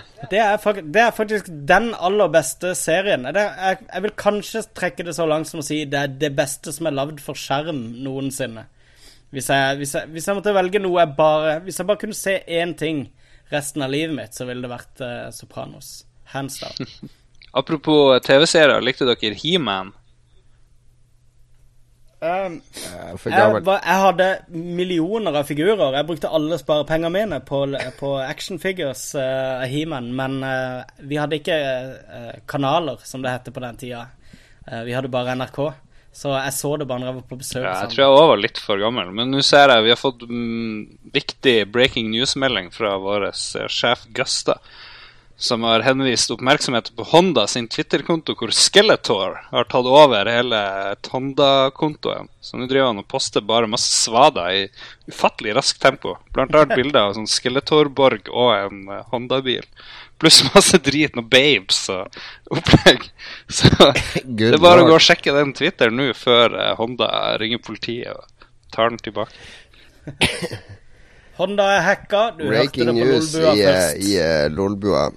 Yes. Jeg kan jo si hva jeg har gjort i det siste ja. etter vi kom fra hyttetur. Jeg har Min kone har nemlig hatt bursdag i helga, og da um, har jeg først så, eh, så skulle jeg lage sånn overraskelsesgave, da, fordi hun har vært så misfornøyd med, med klesskapene og sånn inne på soverommet vårt, eller klessystemet, så jeg var på Ikea og spana, og så kjøpte jeg en sånn garderobeløsning som jeg gjemte i garasjen. Og så på fredag, dagen før bursdagen, mens hun var på jobb, så drev jeg og bygde hele dagen ny garderobe og sorterte klærne hennes. og og uh, ble litt forsinka, da, men i løpet av kvelden så kom alt på plass. da, Så hun fikk helt ny eh, garderobe i bursdagsgaver. da. Og dagen etter, på lørdag, på selve bursdagen hennes, så hadde vi avtalt at vi skulle ut og spise da, og kjøre ungene til barnevakt.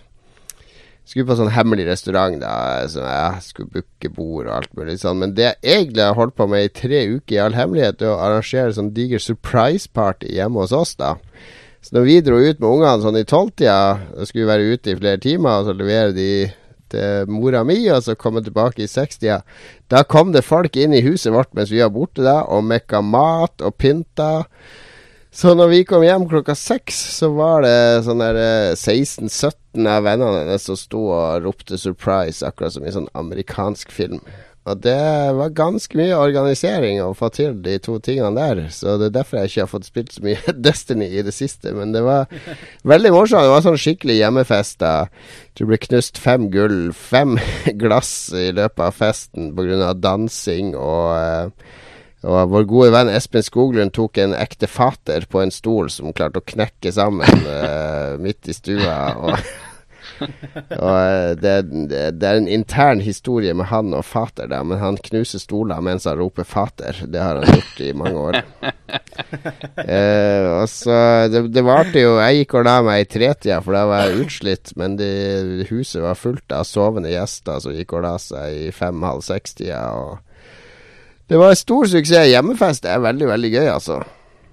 Ja, det er det. Veldig hyggelig at Magnus kom, som hadde invitert og greier.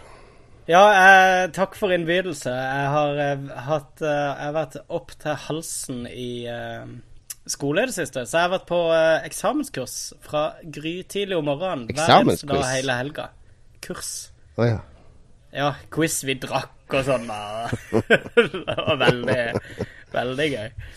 Nei, så det var grunnen til at jeg ikke kunne dukke opp. Men tusen takk for invitasjonen. Jeg håper ikke du eh, skjønner meg fra, fra A-lista di nå, nå som jeg ikke ja har dukket dukka opp. Den A-lista har du nå aldri vært i nærheten av, men det Nei. Jeg lir å tro det. Nei, da, men det var, det var veldig gøy å lage en sånn skikkelig hjemmefest og, og rydde i tre timer etterpå. Det er egentlig, jeg, jeg syns også det er gøy å rydde etter fest, fordi det er så deilig å se at det blir rent og ryddig igjen. Det er kanskje noe som kommer med alderen. det. Ja, det håper jeg. Og for de som lurer på Så hva det er det jeg har gjort. Og så har jo, skal du fortelle om den der dramatiske krasjen, Lars, eller skal jeg? eh, Nei, jeg snakker om en annen krasj, så du må ta den, Ja, okay, den ja, krasjen du da kan jeg nevne For det, det her er jo i, I kjølvannet av hytteturen, altså alle de som var med i den forrige episoden av Lolbua, vi kjørte jo hjem fra hytta, og da spredd utover et par-tre biler, og da var det jo det berykta nullføret, fordi det var sånn minus to oppå fjellet der, 1000 meter over havet, og så ble det sånn nærmere og nærmere null jo nær, lenger ned vi kom. Og i dette nullføret så klarte jo han ene sjåføren å kjøre av veien og rulle rundt med bilen, så den landa, den landa jo på hjulene igjen da, men den var jo totalvraka. Og det var to Yes. karer i bilen, og de ble ikke, de ble ikke sånn veldig skada. Eh, litt sånn småkutt her og der. Det som var mye verre, var at alle brettspillene mine var jo bak i den bilen, da, så de ble jo slengt veggimellom. Eh, nei da, det var en spøk. Det gikk heldigvis bra. De møtte en plog. Eller de, det var to karer som gikk midt i veien, og så kom det en plog imot de, og så kommer de rundt sånn såpeglatt eh, sving i 50. Så, så det var sånn herre Hva gjør du nå? Vil du enten A. Drepe de to folkene ved å meie de ned, sånn at du slipper å bli truffet av plogen? B. Kjøre rett inn i plogen og håpe at dere ikke blir for hardt skada? Eller C. Kjøre av veien? Yes. Ja. Jo, det er kult, kult valg. Det er det. Så det var ganske dramatisk hjemtur. Vi kom jo hjem mye for seint fordi vi måtte omfordele bagasje. Så måtte vi tilkalle en ekstra sjåfør oppe, oppe i uh, Hedmark, eller hva det het oppi der vi var da. Uh, så det var, det var, var rimelig uh, anspent stemning på vei hjem. Mye nervøse folk. La- Lars, du hadde vel eh, sannsynligvis valgt å bare meie de ned? Uh, jeg tenkte hva Du har jo litt erfaring med Ja, hva ville han der uh, Swagger gjort i filmen Shooter? Det er jo det jeg ville gjort. Han uh, Mark Hvis det var to reinsdyr, Hvis det var to reinsdyr. Hvis det var to reinsdyr, ville du da ha Var det ikke det du jeg kjørte jo ned tidligere Lars har jo lang erfaring med å splette Ja, nei, så det er bare å kjøre ned folkene. Det, det var ikke din skyld. Det kom en brøytebil. Du ville ikke fått skylda uansett, ikke sant? Det kom en brøytebil eh, i f- det andre kjørefeltet, ikke ditt. Men det er jo feil. Det er jo, det er jo brøytebilen sin skyld. Men du hadde en ulykke i Harstad. Du har vært i enda en ulykke, Ja, Harstad. ja. Enda en. Det, var, det er jo lenge siden jeg kjørte ned et reinsdyr. Som er Ja, det er jo ikke 50 episoder siden. Nei, det er jo ikke det. Jeg, jeg har dårlig samvittighet for reinsdyret. Nei, det som skjedde, var at vi hadde overraskelsesfest her òg. Eh, Vår venn Jens Arthur Oi. fylte 40 år på torsdag, tror jeg det var. Mm. Og så var det stor overraskelsesfest på lørdag. Det var også litt sånn styring, men det var søstrene som hadde mye av organiseringa der, og noen andre. Men noen av våre oppgaver, vi som var her, som bor ganske nært han da, det var å late som at festen skulle være her. Og vi hadde fiksa det til litt sånn halvtrasig. så han kom klokka syv, og ting var sånn dårlig, sånn dårlig musikk. Vi hadde litt lite potetgull, nesten ingenting å drikke. Uh, vi hadde sagt nei, du må ikke ta med noe som helst. Vi fikser alt. så vi styrte nå på der, og etter tre kvarter så bare sa vi ok, nå skal vi dra, og så blindfolda vi han. Og så skulle vi liksom kjøre han til det her secret destination. Men det som skjedde, var at jeg klarte å krasje og punktere på tur til secret destination. Herregud. Det ble en double surprise party. Det ble det, det ble det. Jeg vet ikke hva som skjedde. Jeg kasta null på driving. Jens Arthur bare sa at Å, det her er godt planlagt og regissert og greier. Med ulykke og alt. Wow, hva dere har tenkt ut. Ja, nei, fordi, fordi han, Vi kjørte litt av gårde, og han visste hele tida hvor vi var. Så vi måtte jo liksom gjøre noe for å throw him off. eh, For han var sånn som han der i sneakers. Han der blinde. Det vanlige trikset er jo sånn fem-seks runder i rundkjøringa. Det er det ingen som det etterpå. Ja, men jeg kom ikke så langt. Vi, det er jo sikkert 500 meter til sykehuset. Så borte ved sykehuset skulle jeg kjøre inn ved siden av noe hus og bare rygge og så kjøre ut igjen. Men jeg klarte å rygge bak i en sånn steinmur som jeg ikke så. Og så når jeg skulle kjøre frem igjen, så kjørte jeg over noen sånn steinhelle, så jeg punkterte og flerra opp. eh. For en amatør. Det var helt forferdelig. Men vi var jo masse folk, da, så vi avblindfolda han Jens Arthur, og så var han med og styrte på da vi bytta dekk. Men, så, men helt bakpå, så det var ingen skade synlig, så det var bare der fremme på det høyre fordekket som fremdeles jeg har bare sånn bitte lite reservehjul, og den står nå parkert da. Men ja, så vi bare droppa han off, og så var det en annen bil som tok over og kjørte han dit. Og så var det surprise-fest og 30 stykk, eller hva det var. Veldig koselig. Eh, så, Sånn blindfold-kjøring, det har vi faktisk holdt på med i Harstad da jeg var ung. Og fordi der, vi kjeda oss jo mye og for rundt og kjørte bil når vi kjeda oss. Og da, da hendte det at alle tok sånn bind for øynene, så skulle jeg kjøre og skulle gjette hvor de var da. mm. Gjerne gå ut av bilen for å høre på lyder og sånn. Så da kjørte jeg en gang til et sånt tjern. altså leda de ut av bilen, så jeg bare går rett fram, og så gikk de rett ut i tjernet. Det var veldig artig. Du er ingen god venn, du, Jon. Ja, Det- når man det er kjeder seg, så må man skape sin egen underholdning. ja. Ja, ja, ja. Eh, men min bil er da fra 97 og litt trasig. Men uh, ja, jeg håper den holder, holder litt lenger, da. Uh, egentlig. Jeg har ikke lyst til å kjøpe bil noen gang mer. Jeg håper den varer i 80 år til, den her eh, bilen. Men jeg har også sett Atari Game Over. Den her eh, eh, De drar og graver opp eller Den Ja, de Microsoft-dokumentaren skal dra og lete etter eh, Atari-cartridger, som de later som er en myte da i den her dokumentaren. Og den er jo regissert av han der Zack Snyder, eller hva han heter, som har lagd noen sånne her X-Men-greier, eller han har skrevet manus til ting. Men da, Har ikke han laga 300? Og... ja, det var kanskje ikke Zack Snyder han het. Glem det. Det var i hvert fall en sånn halvkjent uh, regissør. Men han er veldig flink. Steven Spielberg? Masse gøy. Han som skrev den der uh, uh, One Hva farsken det heter One Life Left? Nei, hva heter den der boka? Eh, hvor de går inn i sånn VR-verden og styrer på. Eh, Jon, du har jo lest Tron. den, da. Gressklippermannen. Er dette av. Jeg drev og leste en spennende Harsatine-sak om noen som tente lysene TV-tårnet. Det er saker jeg blir jo tvunget hver dag til å dele en sak på min private Twitter, så jeg prøver å dele sånne kjempegamle saker, sånn at folk skal lære seg at de ikke må trykke på dem. Men uh, glem det. Jeg håper ikke sjefen min hører på denne postkassen. Hva var det du sa igjen? Ja, det er, ja, i hvert fall. Han drar med seg, i hvert fall, han som skrev de her, uh, s- de her Game of Thrones-bøkene og masse sånne nerder som har litt interesse av Atari. da. Pluss han som lagde ET, som jo filmen handler mye om. Og hvordan han er litt sånn Litt av budskapet er jo at det spillet var ikke så jævlig dårlig egentlig, mener de, da, og at spillet solgte ganske bra egentlig, og at det ikke var det som fikk Atari til å gå under. Men det er ganske grundig, masse morsomme småhistorier rundt det her, med masse kule folk. Og det er kjempemorsomt, og filmen er gratis. Eh, Du finner den på Xbox One, og du finner den på nettet og på noe sånn der Xbox Movie et eller annet. Det er bare å søke på den der Ja. eh, Atari Game Over. Er, er vår gode venn eh, Major Nelson Han var ikke med! Han var ikke med. Uh, ikke under utgravinga så tweeta han jo bilder av seg sjøl fra Ja, gravinga. er sikker på at han skal være med. Ja. Men det er en flott, flott film, i motsetning, motsetning til den der Video Game The Movie, som var helt sånn uten Ja, mål og mening. se. Eh, Ja, har jeg sett den nå, Video Game Ja. The Movie? drittfilm. Det blir Ja, så generell ut fra det du beskrev, Marius, så jeg orker ikke. Fordi Ja. det, det finnes så mye sånne generelle avhandlinger av spillene sin historie. Det må Synes det er mye mer spennende med sånn fokus, sånn som det Lars beskriver her, på det Ja, ene spillet enig. og historien rundt Ja. det. Og Nei, de, ja, de har mange småhistorier. Men var du enig, Lars, i eh, Var du enig i dette her med den eh, eh, Video Game The Movie. At han ble for spak Ja. og Ja, absolutt. Den mangla en historie, eller sånn som her, klarer Ja. de å ha flere småhistorier, ikke sant. Og masse kjente folk som stiller opp, og det er jo ikke nødvendigvis bra, men de har i hvert fall interessante ting å si. Og en kar hiver seg i en sånn her DeLorean, uh, han her forfatteren jeg prøver å huske navnet på, som skrev den her uh, One Hva faen den heter Ready Player One! Der skal du flink, Magnus. Ja. Han hiver seg i DeLorean sin og tar med han her eh, George R.R. Martin og greier. Og det er kjempemorsomt. Masse, masse små eh, ting som lyser opp eh, livet til en nerd som har halvannen time til overs. Så jeg gleder meg. Microsoft skal jo ha masse sånne originalmovies. Så hvis det her er liksom sånn det blir, så blir det kjempe, kjempebra.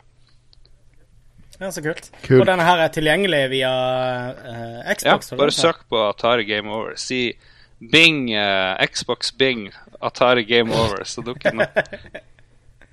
Det er helt riktig.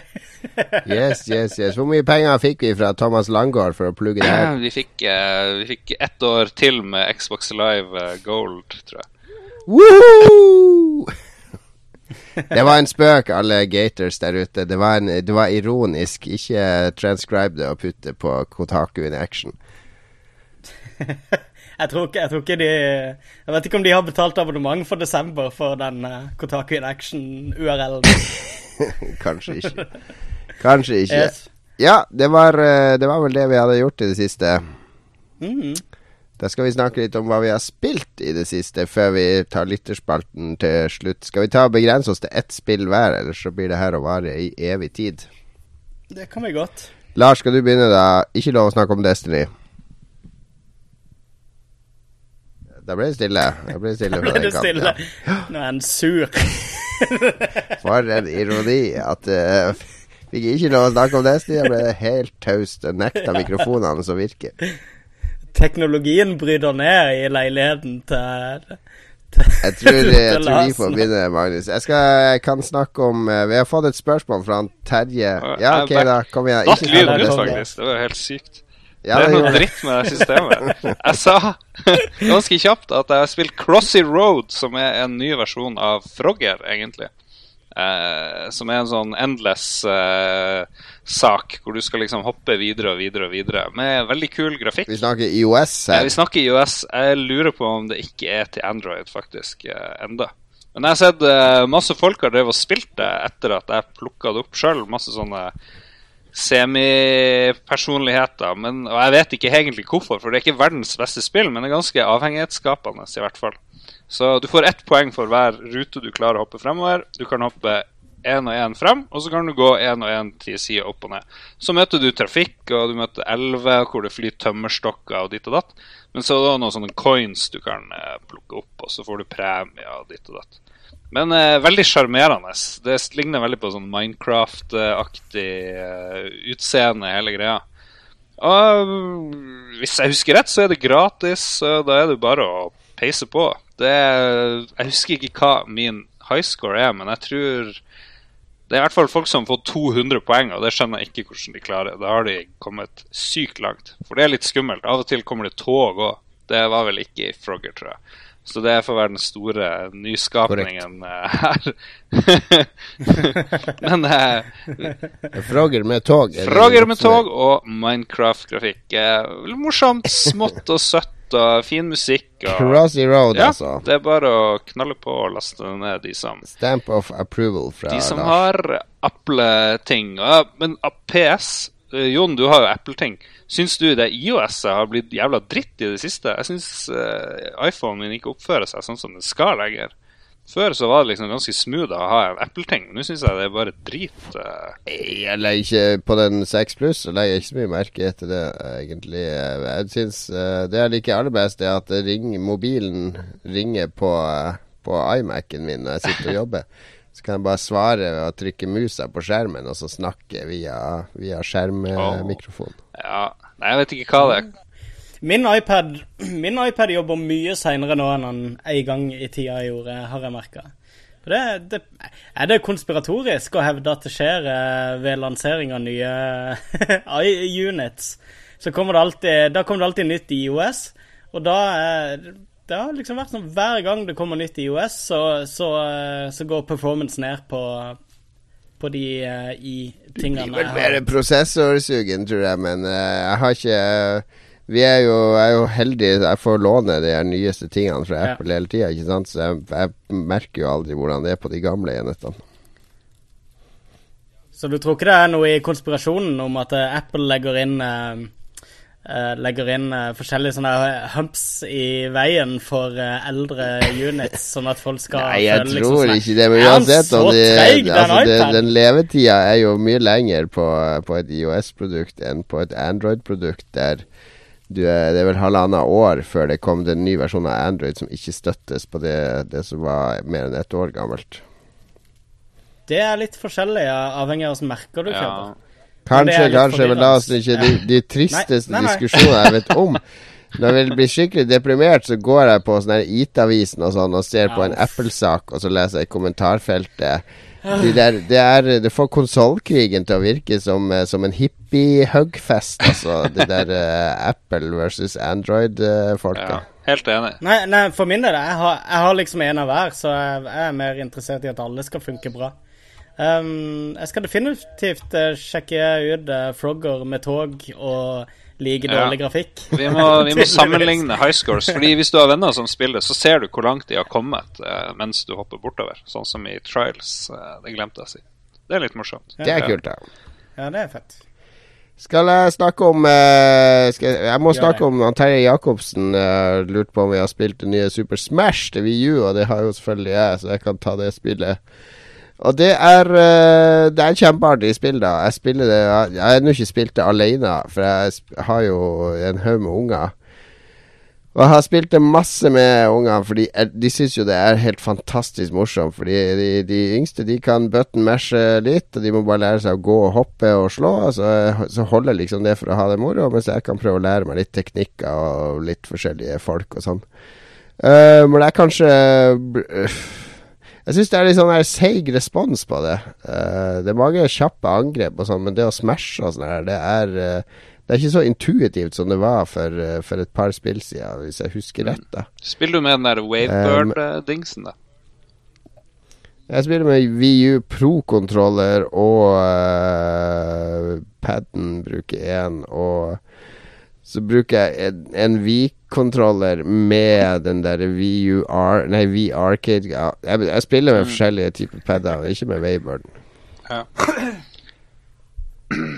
Men uh, det er jo det er super fargerikt, super masse å gjøre, super variert. Uh, super mange kule figurer. Uh, det er supert på alle områder. Det er gedigen morsom underholdning. Og jeg har hatt mange kamper der vi har gapskratta, der det har vært s- megaspennende på slutten og fått inn noe sånn kul combo og finishing move. Og, og hver gang den Smash-kula kommer flyvende, så er det sånn der panisk jakt etter den. Så det, det er et spill som er lada med, med med masse masse humoristiske situasjoner. Men jeg ser jo også for meg at folk som liker å ha kontroll i sånne typer spill Altså, det er ikke Bomberman. Jeg husker vi spilte mye Bomberman, eh, Ja. Lars. Det var konge. Og det, det er et spill der du har sånn delvis ganske god kontroll. Hvor Du går bort og legger ut bombe, og du tar litt power-ups, og du har hele tida er det deg og skjermen og bevegelsene dine, og det gjelder å holde øye med de andre og de andre sine bomber og sånn. Mens her så er det jo Det er jo et vill møljekaos til tider. Du har veldig lite Du blir ikke god i det her sånn som du blir i Tekken, sånn som jeg ser det. Det er sikkert noen som vil motsi meg på det, men det her for meg vil det bare det, Du må bare omfavne kaoset. Og Hvis du gidder å gjøre det, så kan du ha det masse moro med det. Men hvis du lar deg frustrere, og at du ikke får til å blokke, eller at han har sånn cheapt angrep som hele tida utnytter det, osv., så, videre, så så er det bare å holde seg langt unna. Ja, det er, det er en del som hevder at eh, det er vel Det, det er en del som hevder at uh, Super Smash er det, den spillserien som, som nesten krever mest sånn Twitch-evner. For det, ting skjer jo idiotisk kjapt i spillet, i kampene osv. Ja, men det blir sånn overdrevet Fordi det er jo sånne 30-40-50 karakterer, og alle de har sine egne moves. Og det Tekken så går det an å liksom det, Å bli god i Tekken handler jo like mye om å lære seg motstanderne sine angrep, sånn at du kan Ja. kontre de. Mens her så er det Det blir så mye faktorer å holde styr på at det å bli Selv om du mestrer dine egne bevegelser fullt ut, så er det så mye du må tenke på at du kan møte av de Ja. tre andre. Jeg har bare sett noen sånne eh, VM-kamper og sånn i Ja da, det er helt sikkert mulig å bli god. Jeg snakka litt med vår eh, slåssespillvenn Øystein om det, og han er for så vidt interessert i Smash, men han sier at det er ikke Du kan ikke sammenligne det med Virtua Fighter og Tekken i sånn mestringsnivå. Men det er vel ikke meninga heller. Det er vel et barnespill, er det ikke det? Nei, du må jo omfavne kaos. Og gjør det. Det er, det er kjempeartig. Jeg anbefaler det, det varmt for alle som vil ha nok et knallspill på sin VU. Da vet vi det. Da er det Magnus. Yes. Ett spill, um, et spill, Magnus. Ja. Jeg har spilt en del forskjellig, fra for jeg har vært syk. Eh, Et av de var jo Dragon Age, men jeg har jo hatt feber eh, halvparten av tida. Du trodde jo, du spilte Jeg trodde jeg spilte Diablo 3. Konge. Jeg, jeg, jeg skjønte ikke hvorfor ikke det var samme knapper i Den samme knappekonfigen som i Diablo. Hæ? Jeg skjønner ingenting. Hvorfor angriper jeg ikke meg av her? Ja, Nei, det var veldig rart. Men, eh, men eh, et annet spill eh, jeg har spilt i vågen tilregnelig tilstand Første episode av Tales of Borderlands. Eller Tales from the Borderlands, som det jo heter. Det er det nye Telltale Games-eventyrspillet. de som lagde Walking Dead. Riktig. De som har lagd Walking Dead og uh, Tales of Monkey Island, og de har lagd Sam Max. Spill som er litt dårligere enn de de og- baserer seg på. Er det ikke det som er gjennomgangstonen der? Nei, jeg er ikke enig i det. Jeg, jeg syns uh, Walking Dead så synes jeg de har Det står fint skulder til skulder med alt annet som er lagd uh, basert på den franchisen. Og Monkey Island er kanskje det beste Monkey Island siden Monkey Island 3, i hvert fall. Og ja, jeg syns i hvert fall de gjør en eh, Og Wolf Among Us er et knallfett spill. Men det de gjør uansett, er at de, de tar andre franchiser da, og former det inn i denne her eh, eh, spillmotoren sin. Borderlands er jo det første kanskje rene skytespillet de har tatt for seg, så det er vel en del som var litt kritiske til det. At eh, en Folk skal være så kritiske. Med en gang noe blir sånn tatt ut av uh, komfortsonen, så skal folk være så Ja. kritiske. Nettopp. Og altså, jeg er en av de det har vært kjedelig å spille Borderlands med eh, i coop, tror jeg, fordi at jeg har sittet og gaula latter av eh, storybaserte ting gjennom hele spillet. Jeg, eh, jeg syns kanskje Borderlands briljerer først og fremst på universet og på eh, de sinnssyke beskrivelsene på våpen og bare de karakterene de har introdusert der, og dialogene og sånn. Dødsbra langt, langt over alt annet som finnes av skytespill. Og uh, nå har de hooka opp med uh, Telltale, som også uh, som har en ganske god evne til å, uh, til å lage humoristiske spill. Da. Og det viser seg bare at, at Borderlands-universet funker Det er som hånd i hanske inn i den Telltale-modellen.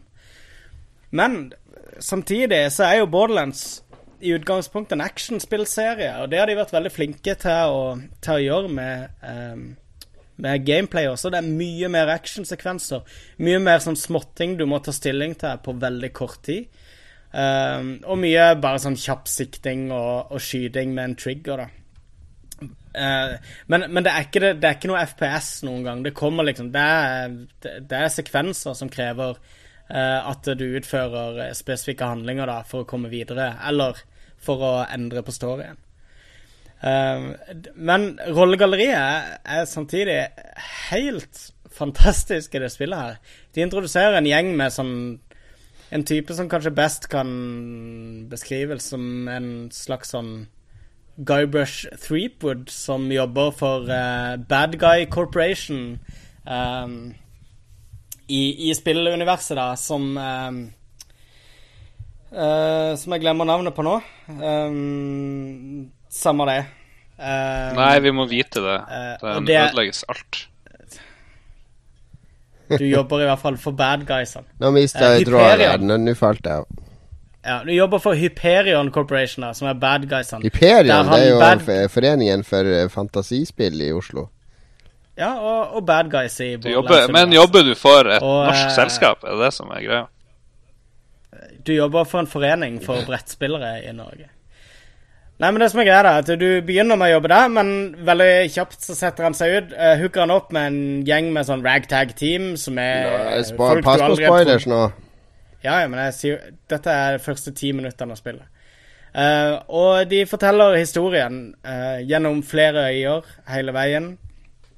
Det er veldig, det er veldig smart uh, fortellerteknikk som er brukt gjennom hele spillet.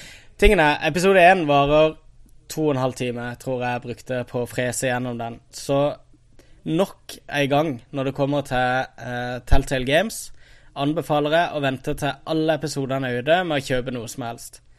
Uh, hvis min rodete raljering akkurat nå om spillet gjorde at du egentlig ikke aner hva du tror om det, så er det kanskje en idé å kjøpe Jeg tror han koster fem dollar eller noe på Xbox Store, den eh, første episoden.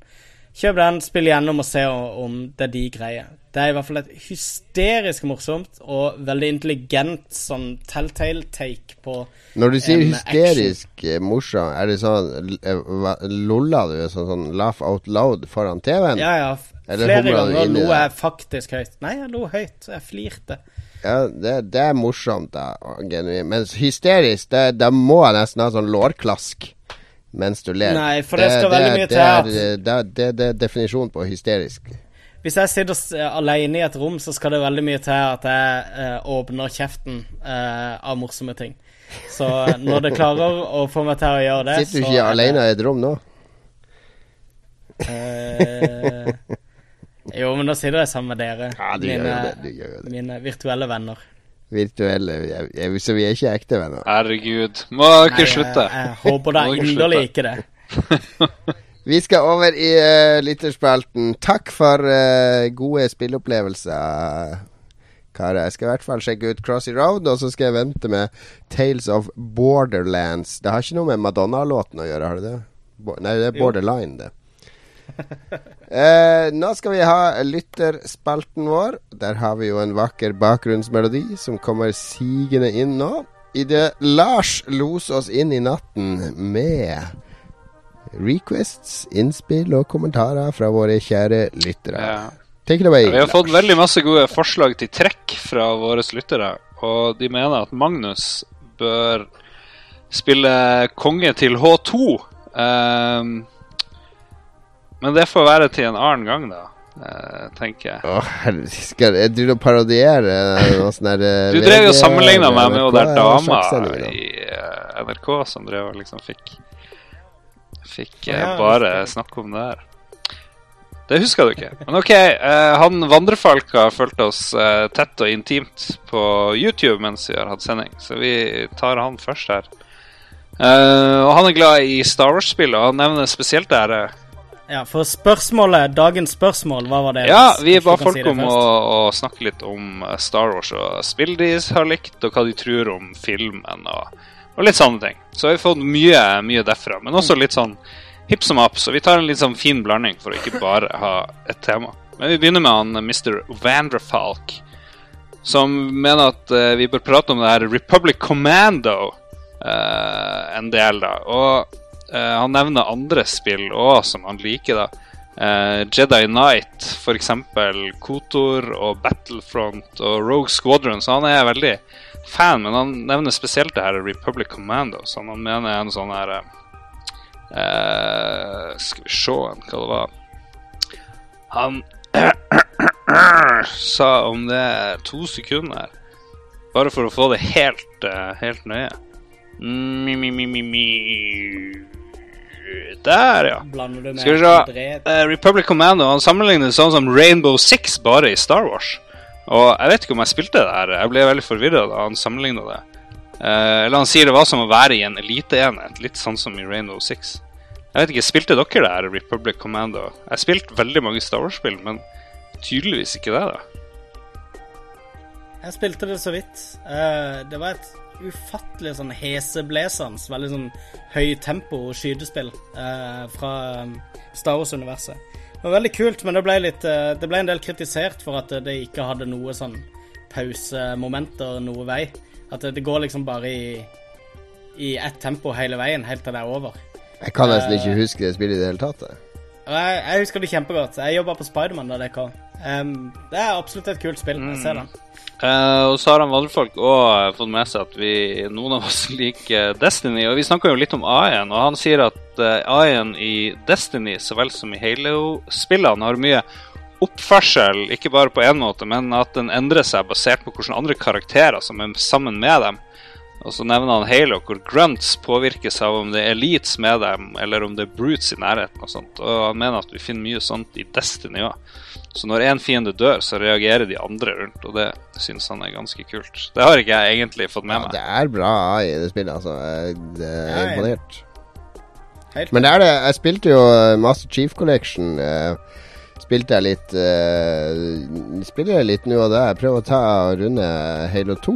Og det slår meg hvor utrolig likt Halo 2 og Destiny egentlig er. Det er uh, fiendeoppførsel og det derre at du skyter hodet av de og sånn der psh, Det kommer ikke sånn lysstråle opp i, i Halo 2, da, men det, det er akkurat samme atferd, det er samme følelsen når man skyter og sånn. Det det er veldig mye ivaretatt fra Halo over til Destiny.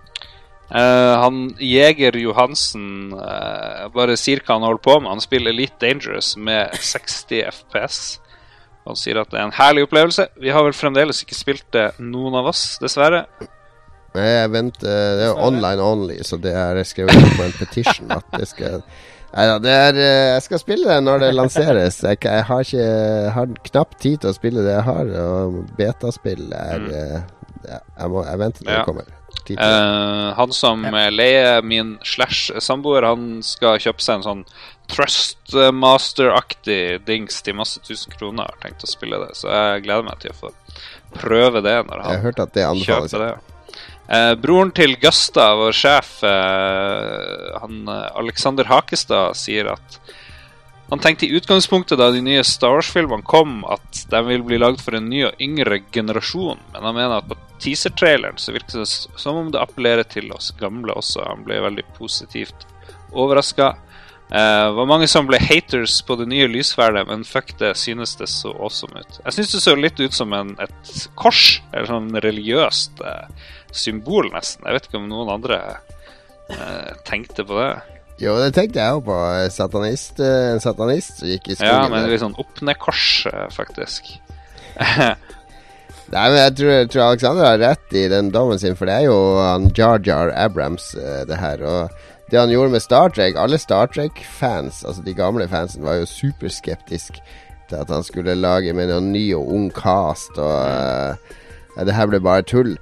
Men så greia at han er jo fan, ikke sant? Så han vil jo ivare han, han gjorde en kjempejobb med å ivareta arven etter de gamle filmene og putte inn en masse referanser for, for de som, som likte de gamle seriene og det opprinnelige materialet.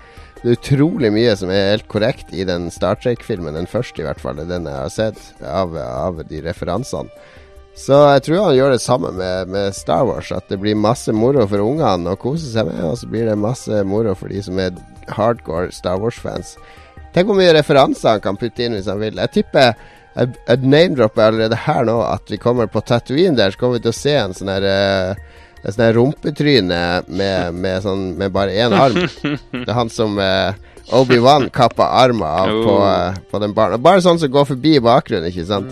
Med sånn eh, stump av en arm. Han som mista armen på, på kantinaen.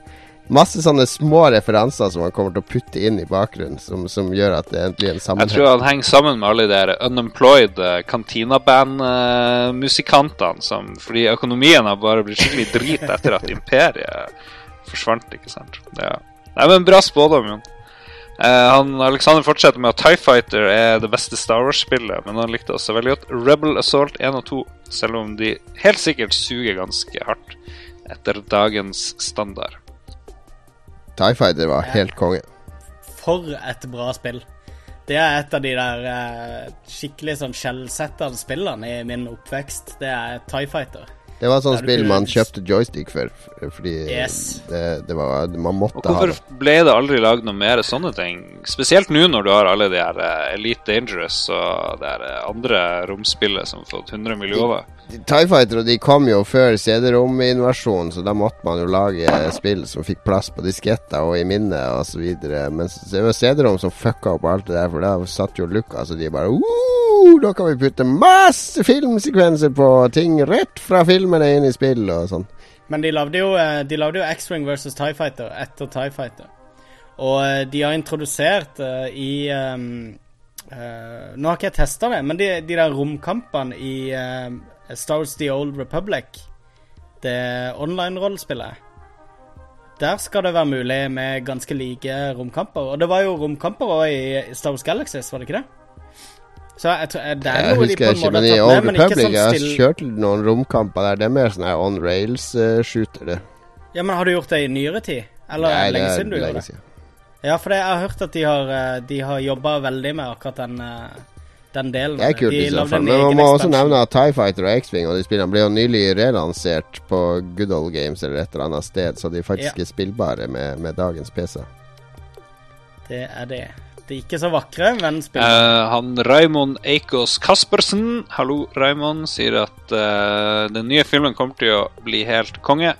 Ser ut som han Jarjar Jar Jar vet hva han driver på med. Jeg tipper det blir en blanding av det beste fra de to foregående trilogiene. Eh, da sier jeg jo at Raymond er ute og kjører allerede, for det fantes ikke noe bra med den forrige fanatisk. Star Wars-spill som han liker best, er Force Unleashed 1 og 2. eh, The Old Republic MMO-et, eh, som jeg vel prøvde i tre timer kanskje, og bare ikke gidda av en eller annen grunn. Og Dark Forces er en gammel klassiker som det gikk mange timer på back in the day. Så Raymond er en eh, ordentlig Star Wars-fan, så eh, ja. Dark Forces husker jeg godt. Var det ikke der du kunne finne Max fra Sam og Max i et av?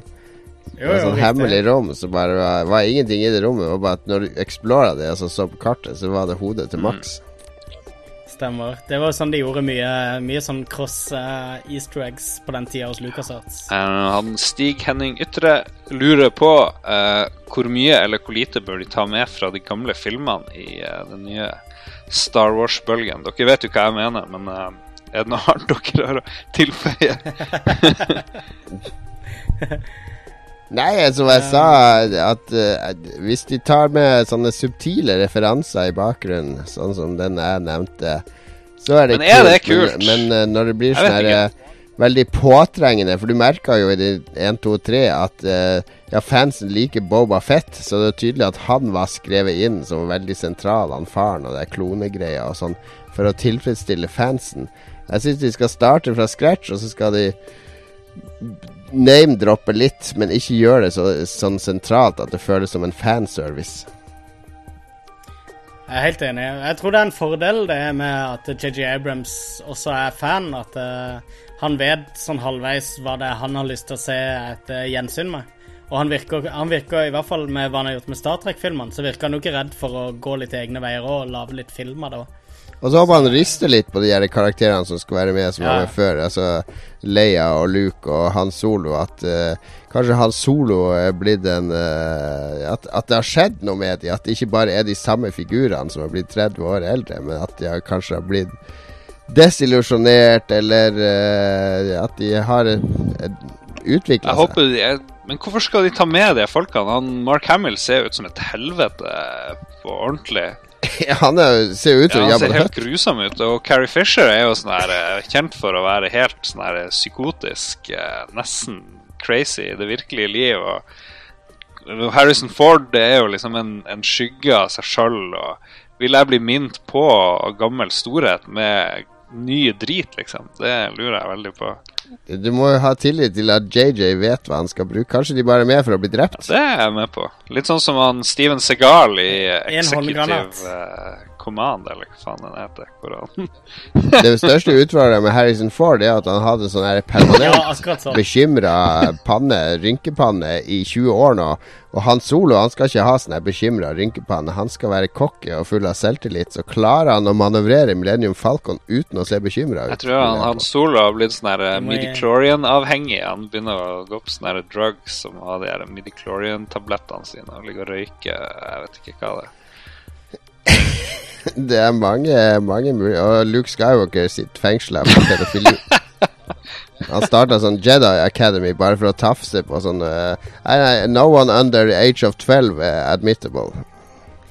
Men uh, altså, Mark Hamill ser jo, eh, ser jo ganske sprø ut nå, men han har jo levert en superrolle som jokeren.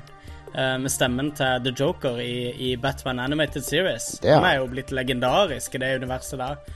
Eh, I mellomtida. Så han, han er hottere enn noensinne, eh, har jeg inntrykk av. Så jeg, tror det er helt fett å bruke han. Han virker helt habil. Virker som han har holdt uh, skuespillermusklene varme.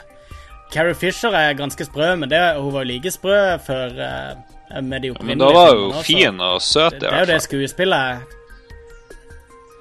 Det var en grusom ting å si. Ja, Hvem vet, Lars? Kanskje å finne fram metallbikinien til filmene. Oh my god.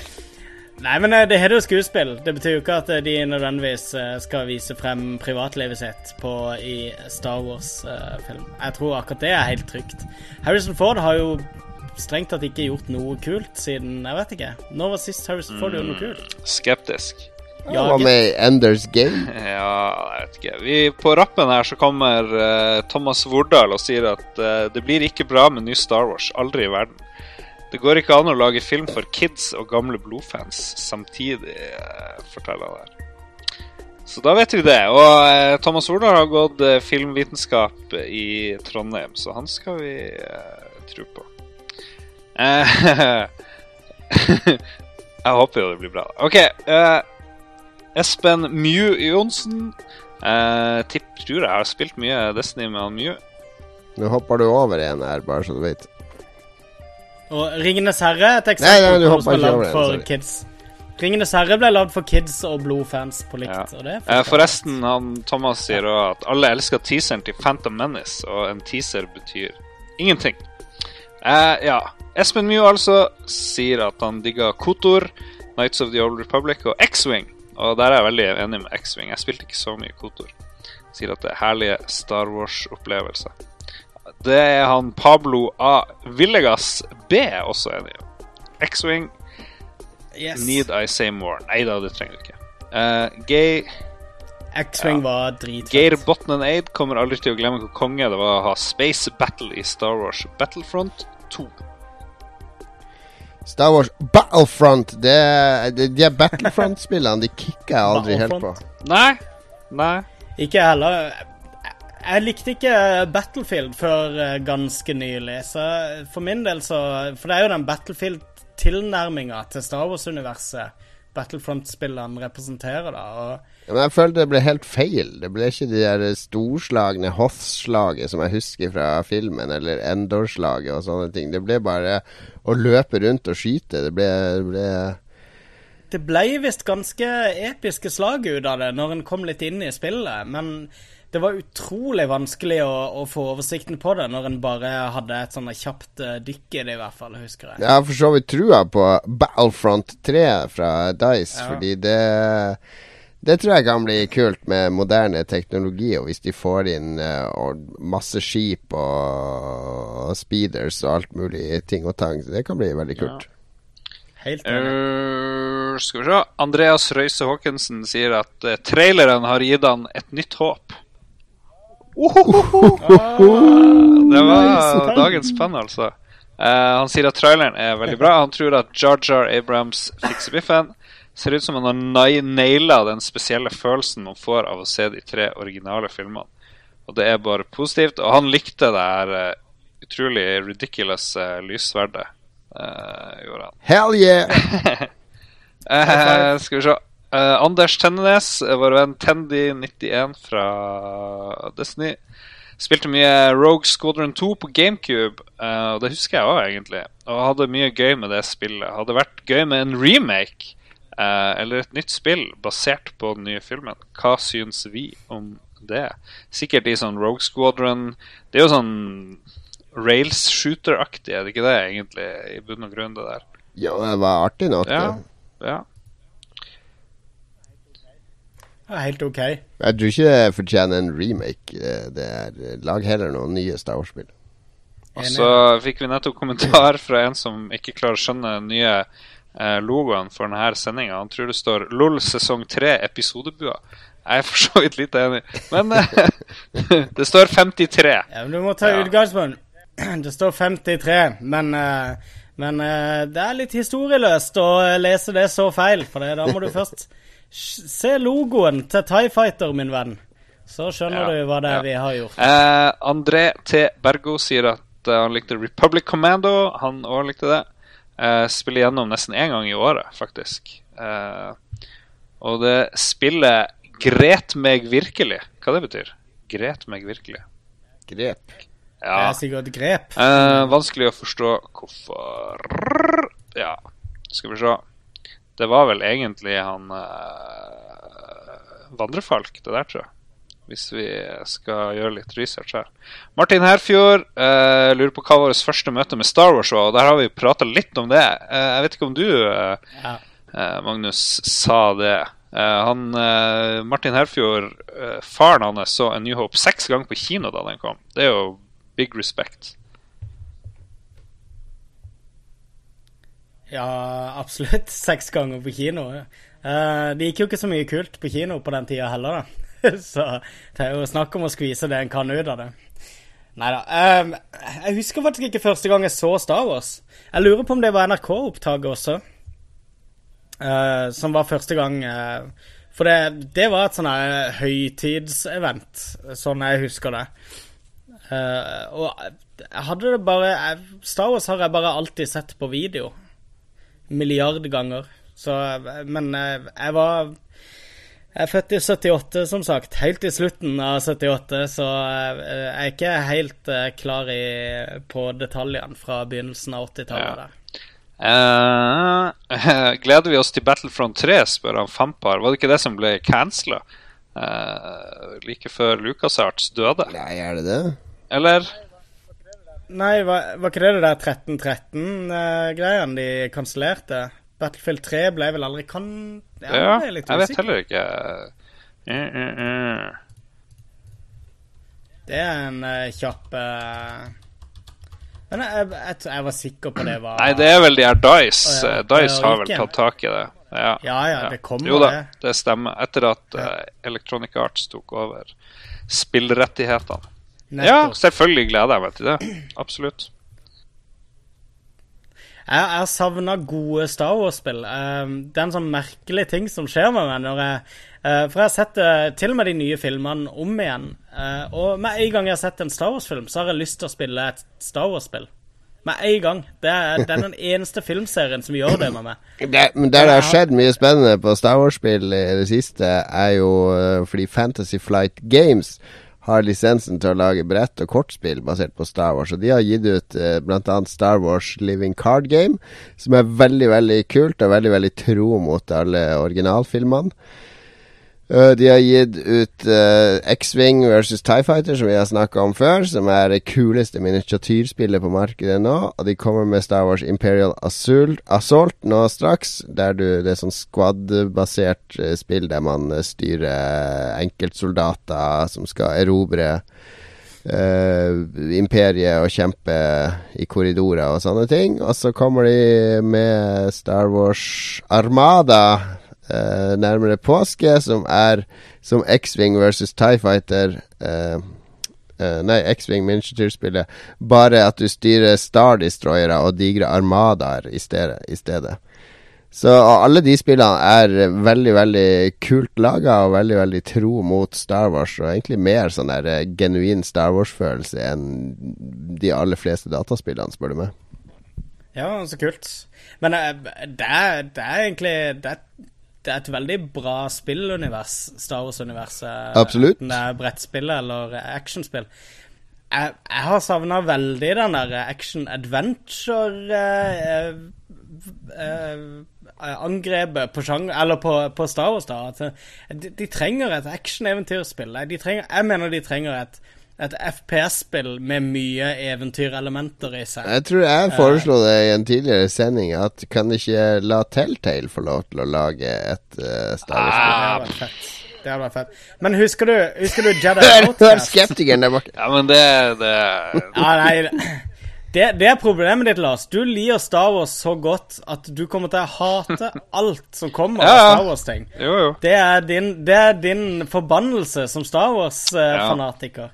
Det er at du ikke liker noe Du har som helt sånn. rett der, tror jeg. Uh, Det er, det Men Star Wars The Old Republic, hvis du virkelig liker Star Wars Du bør virkelig sette deg inn i Star Wars The Old Republic. Ja, det var morsomt, du kommer til å elske det. Det er en ren singleplayer-opplevelse hvis du vil. Og det er ikke bare én, det er, det er vel noe sånn 12-13 historier du kan spille deg gjennom, både som ond og gode. Eh, utrolig fete historier, uh, og veldig innfløkte og godt skrevne.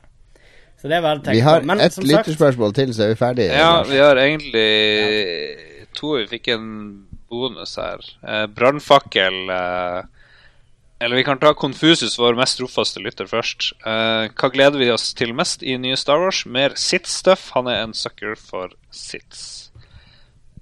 Sits er Ja. kult. Ja. Jo. Er glad i Sith. Men det var jo ikke så mye De er, Sith er også sånn her De er litt sånn fanservice, fordi alle de der eh, litt mørkere Star Wars-fansen, de elsker jo Sith. Sith. Sith.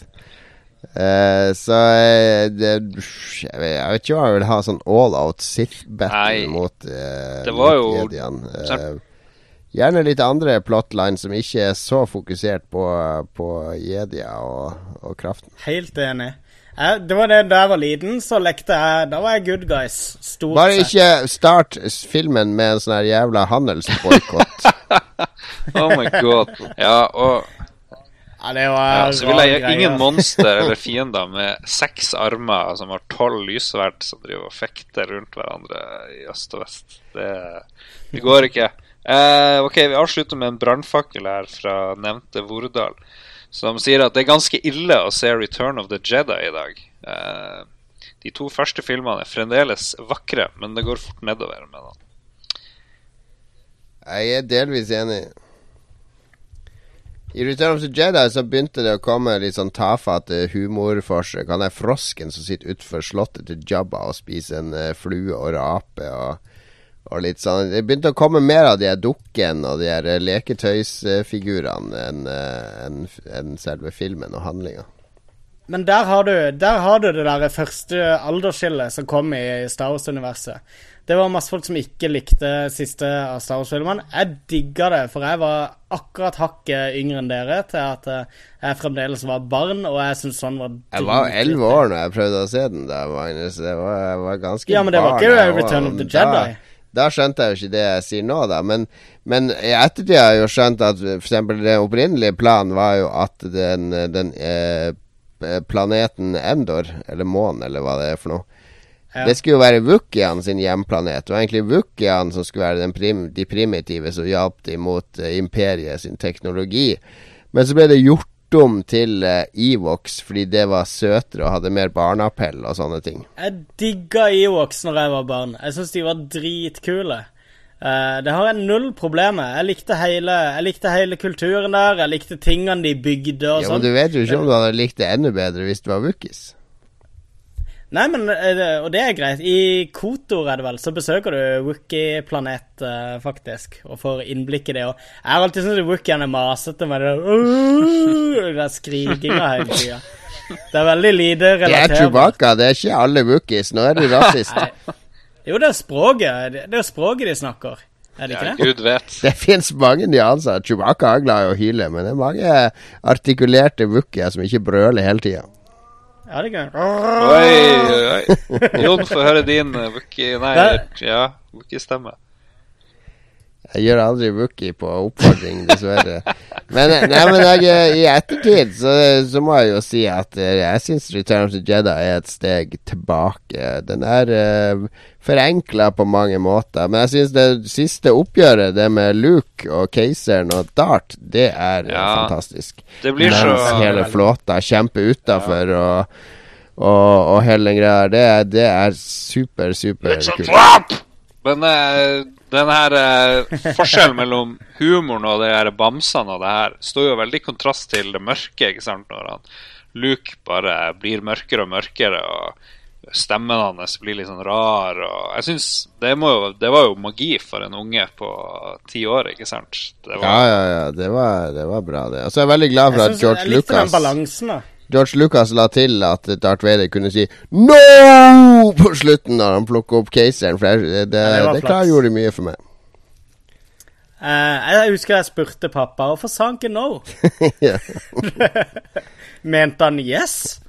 Det er mye morsomt han har lagt igjen der, Lucas. Også det der brølet til Obi-Wan i, i episode fire, når han kommer og skremmer bort de der Sand People.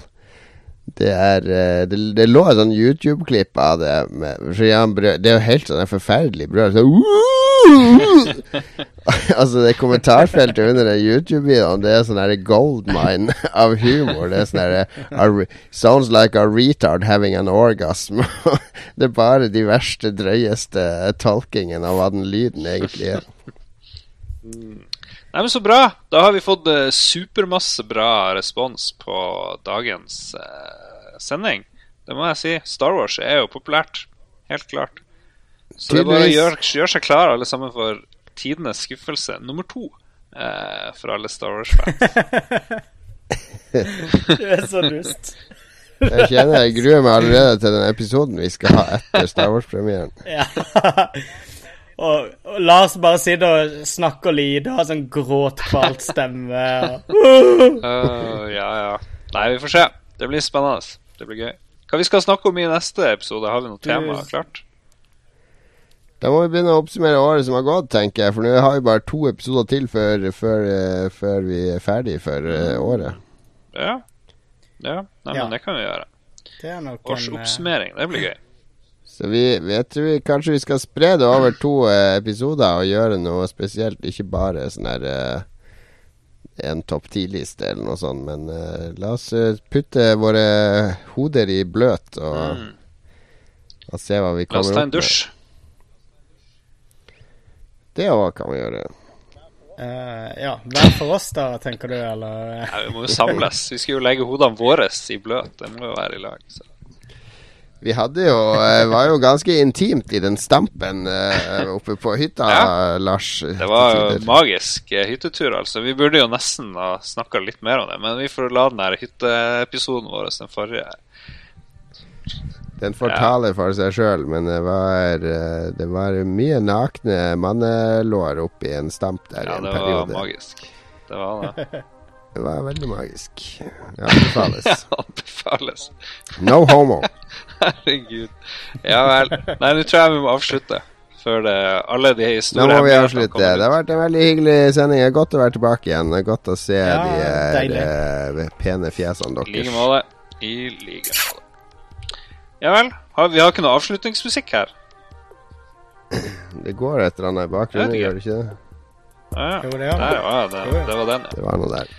Yes, eh, følg oss på Twitter, at Lolbua, Facebook eh, Lolbua. Hvis du hørte på det her live, så kom gjerne på Tilt i morgen klokka syv, for da er det spillquiz med Magnus og Cato. Hvis du ikke hører det live, men hører det på tirsdagen når vi legger det ut, så kan du fortsatt rekke det. Og hvis du hører det på onsdag, så sucks to be you. Eh, Tilt det i Oslo, da. vi kan følge oss individuelt på Twitter òg. Fleksnes heter jeg, Magnus Tellefsen heter Magnus, og Lars RO, er det det du heter, Mm. Lars? Lars Rolsen, er det ikke det jeg heter på Twitter? Lars Rolsen. Følg Lars Rolsen for daglige linker til Hasletine-saker. Eh, nei, det er ingenting på Twitter. Ingen. Bare, bare bilder av okay. fine babes, egentlig. for bilder av fine babes, det får du fra Lars Rolsen. Vi høres igjen om en uke. Takk for følget. Ha det bra. Ha det! Har du et enkeltpersonforetak eller en liten bedrift? Da er du sikkert lei av å høre meg snakke om hvor enkelt det er med kvitteringer og bilag i fiken, så vi eh, gir oss her, vi. Fordi vi liker enkelt. Fiken superenkelt regnskap.